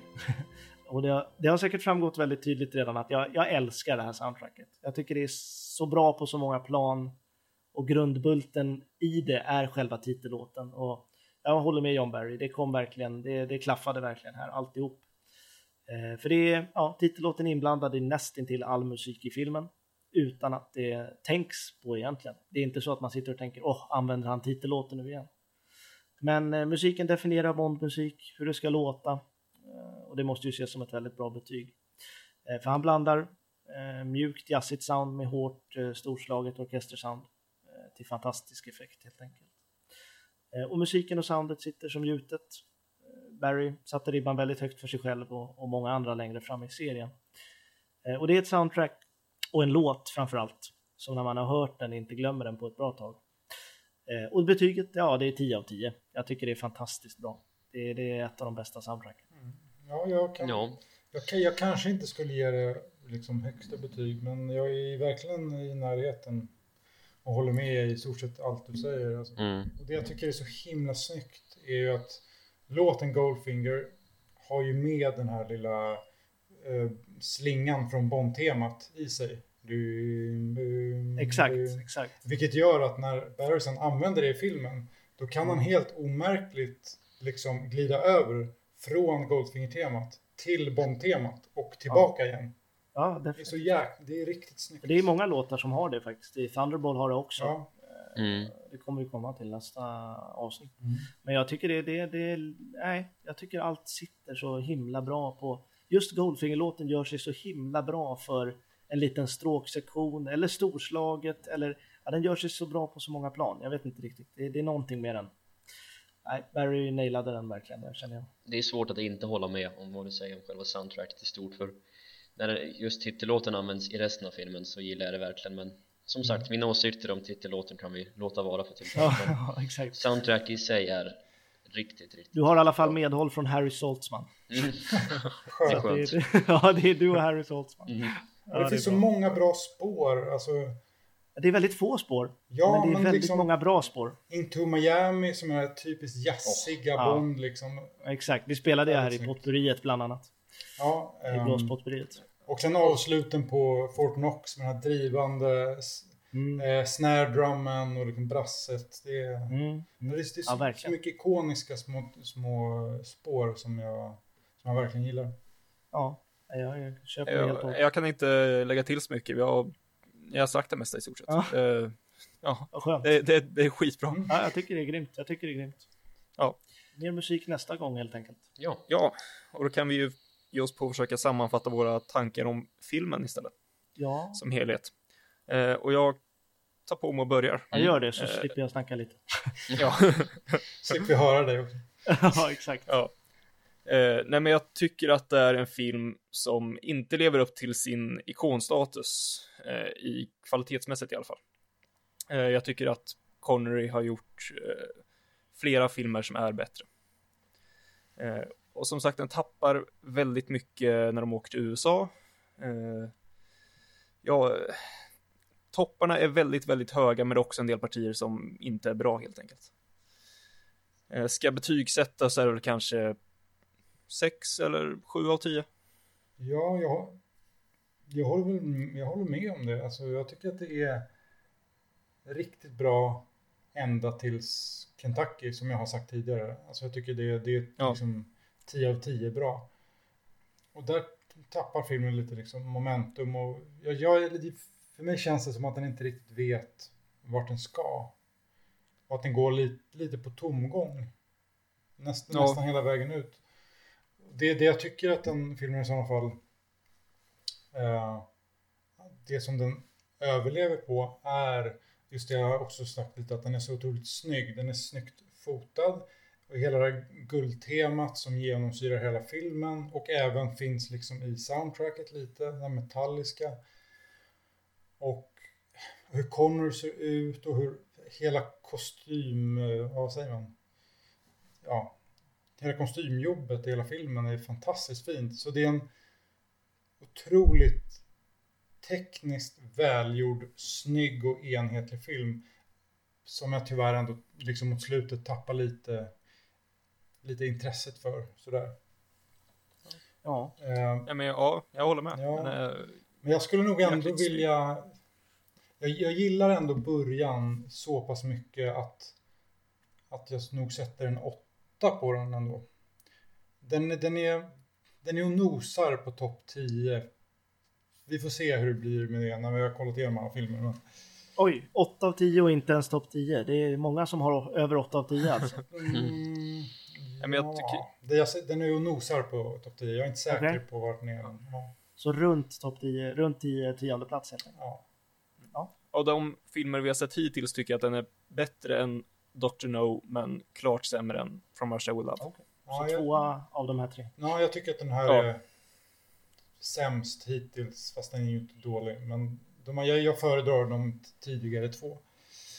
Ja, Ja, jag, jag, jag vill, nog, vill nog hävda, alltså jag, jag, när jag såg den senast nu i helgen så, så tänkte jag faktiskt att det som Dr. No, eh, som jag sa i Dr. No avsnittet, det som kommer göras bättre i, i längre fram, eh, det som Dr. No var lite sämre på då görs bättre här i, i Goldfinger, men å andra sidan då det som gjordes bra i Dr. No görs sämre här. så att jag tycker det, det, ja, hade man lagt ihop Dr. No och Goldfinger hade man fått en väldigt, väldigt bra film. En film som jag hade gillat som tusan.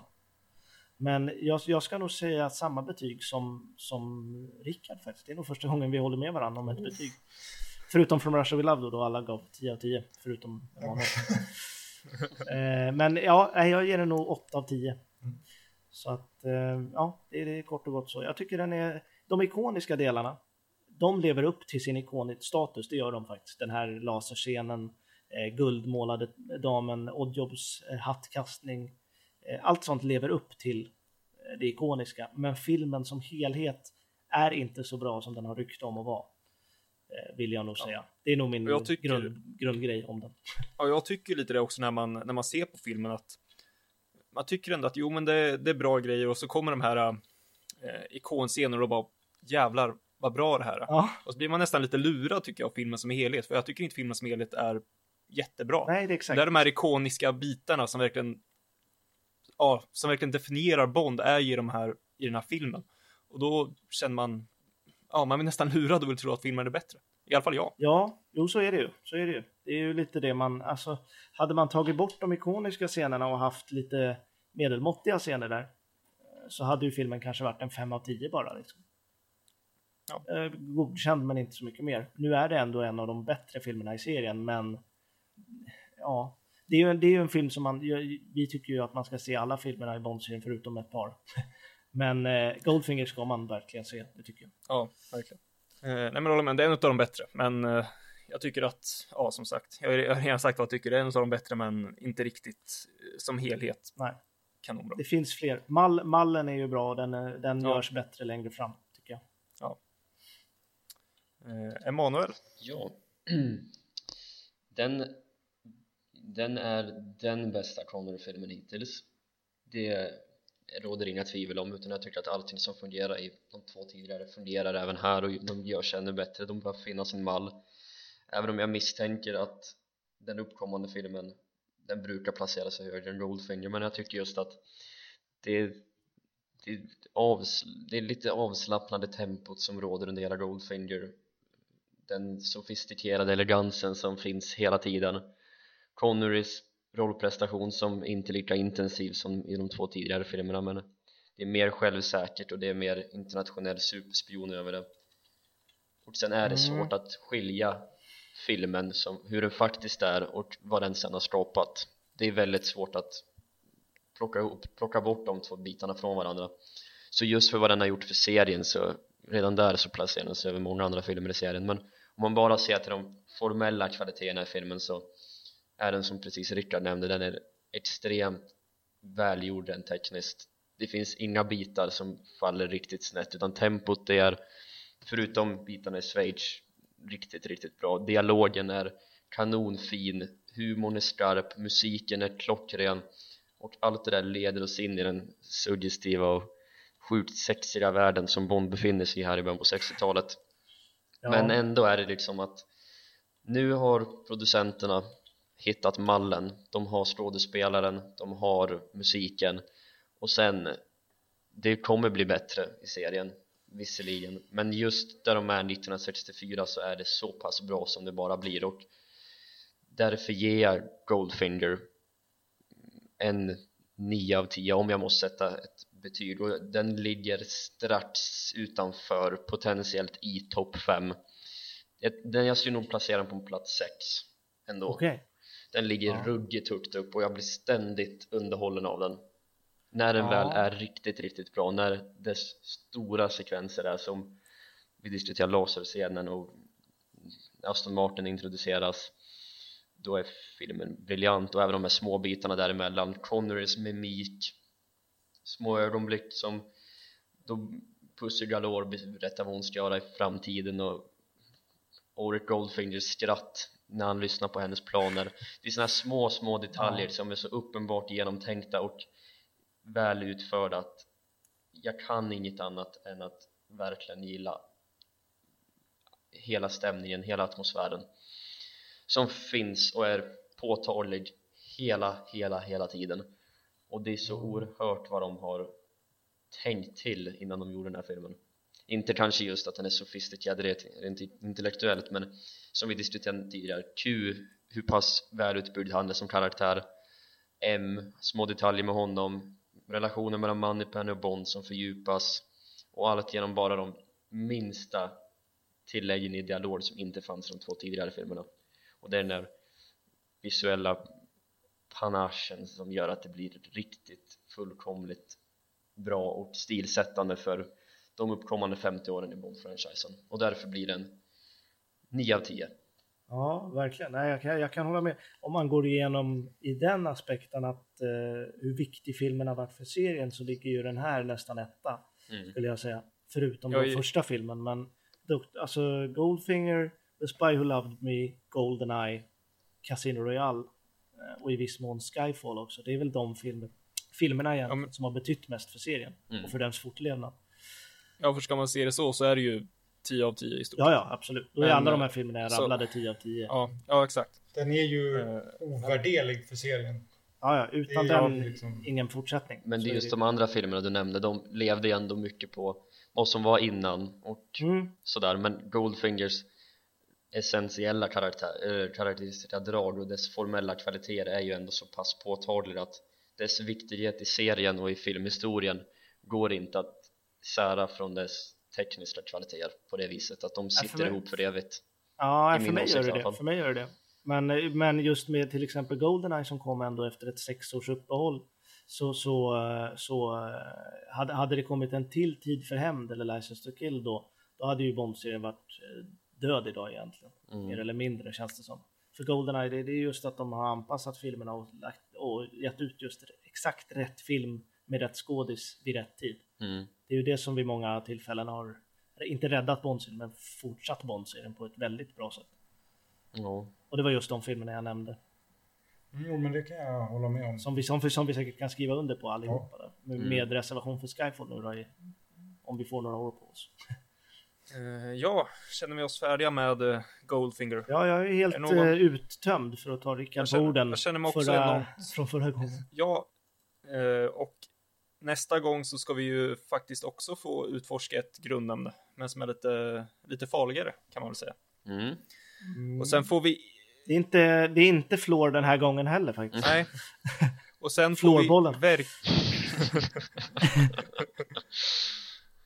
och sen får vi verkligen inte glömma badbyxor och handduk, för både vi och Bond kommer bli rejält blöta i nästa film. ja, Ja, exakt. herregud. Det- Och inte någon Geigermätare heller. Ja, Eh, Så till nästa avsnitt så får ni ta med er handduken och eh, lyssna på oss. ja, Jag kommer sitta i Så- badbyxor och... Ja. Jag kommer sitta naken ja, jag kommer sitta i badkaret. Då kör vi utan webcam nästa Mm. gång. Det blir kul. Ja. Så vi hörs igen. Ja, det gör vi. Och så vill jag slänga ut några tack. Ska vi slänga ut dem?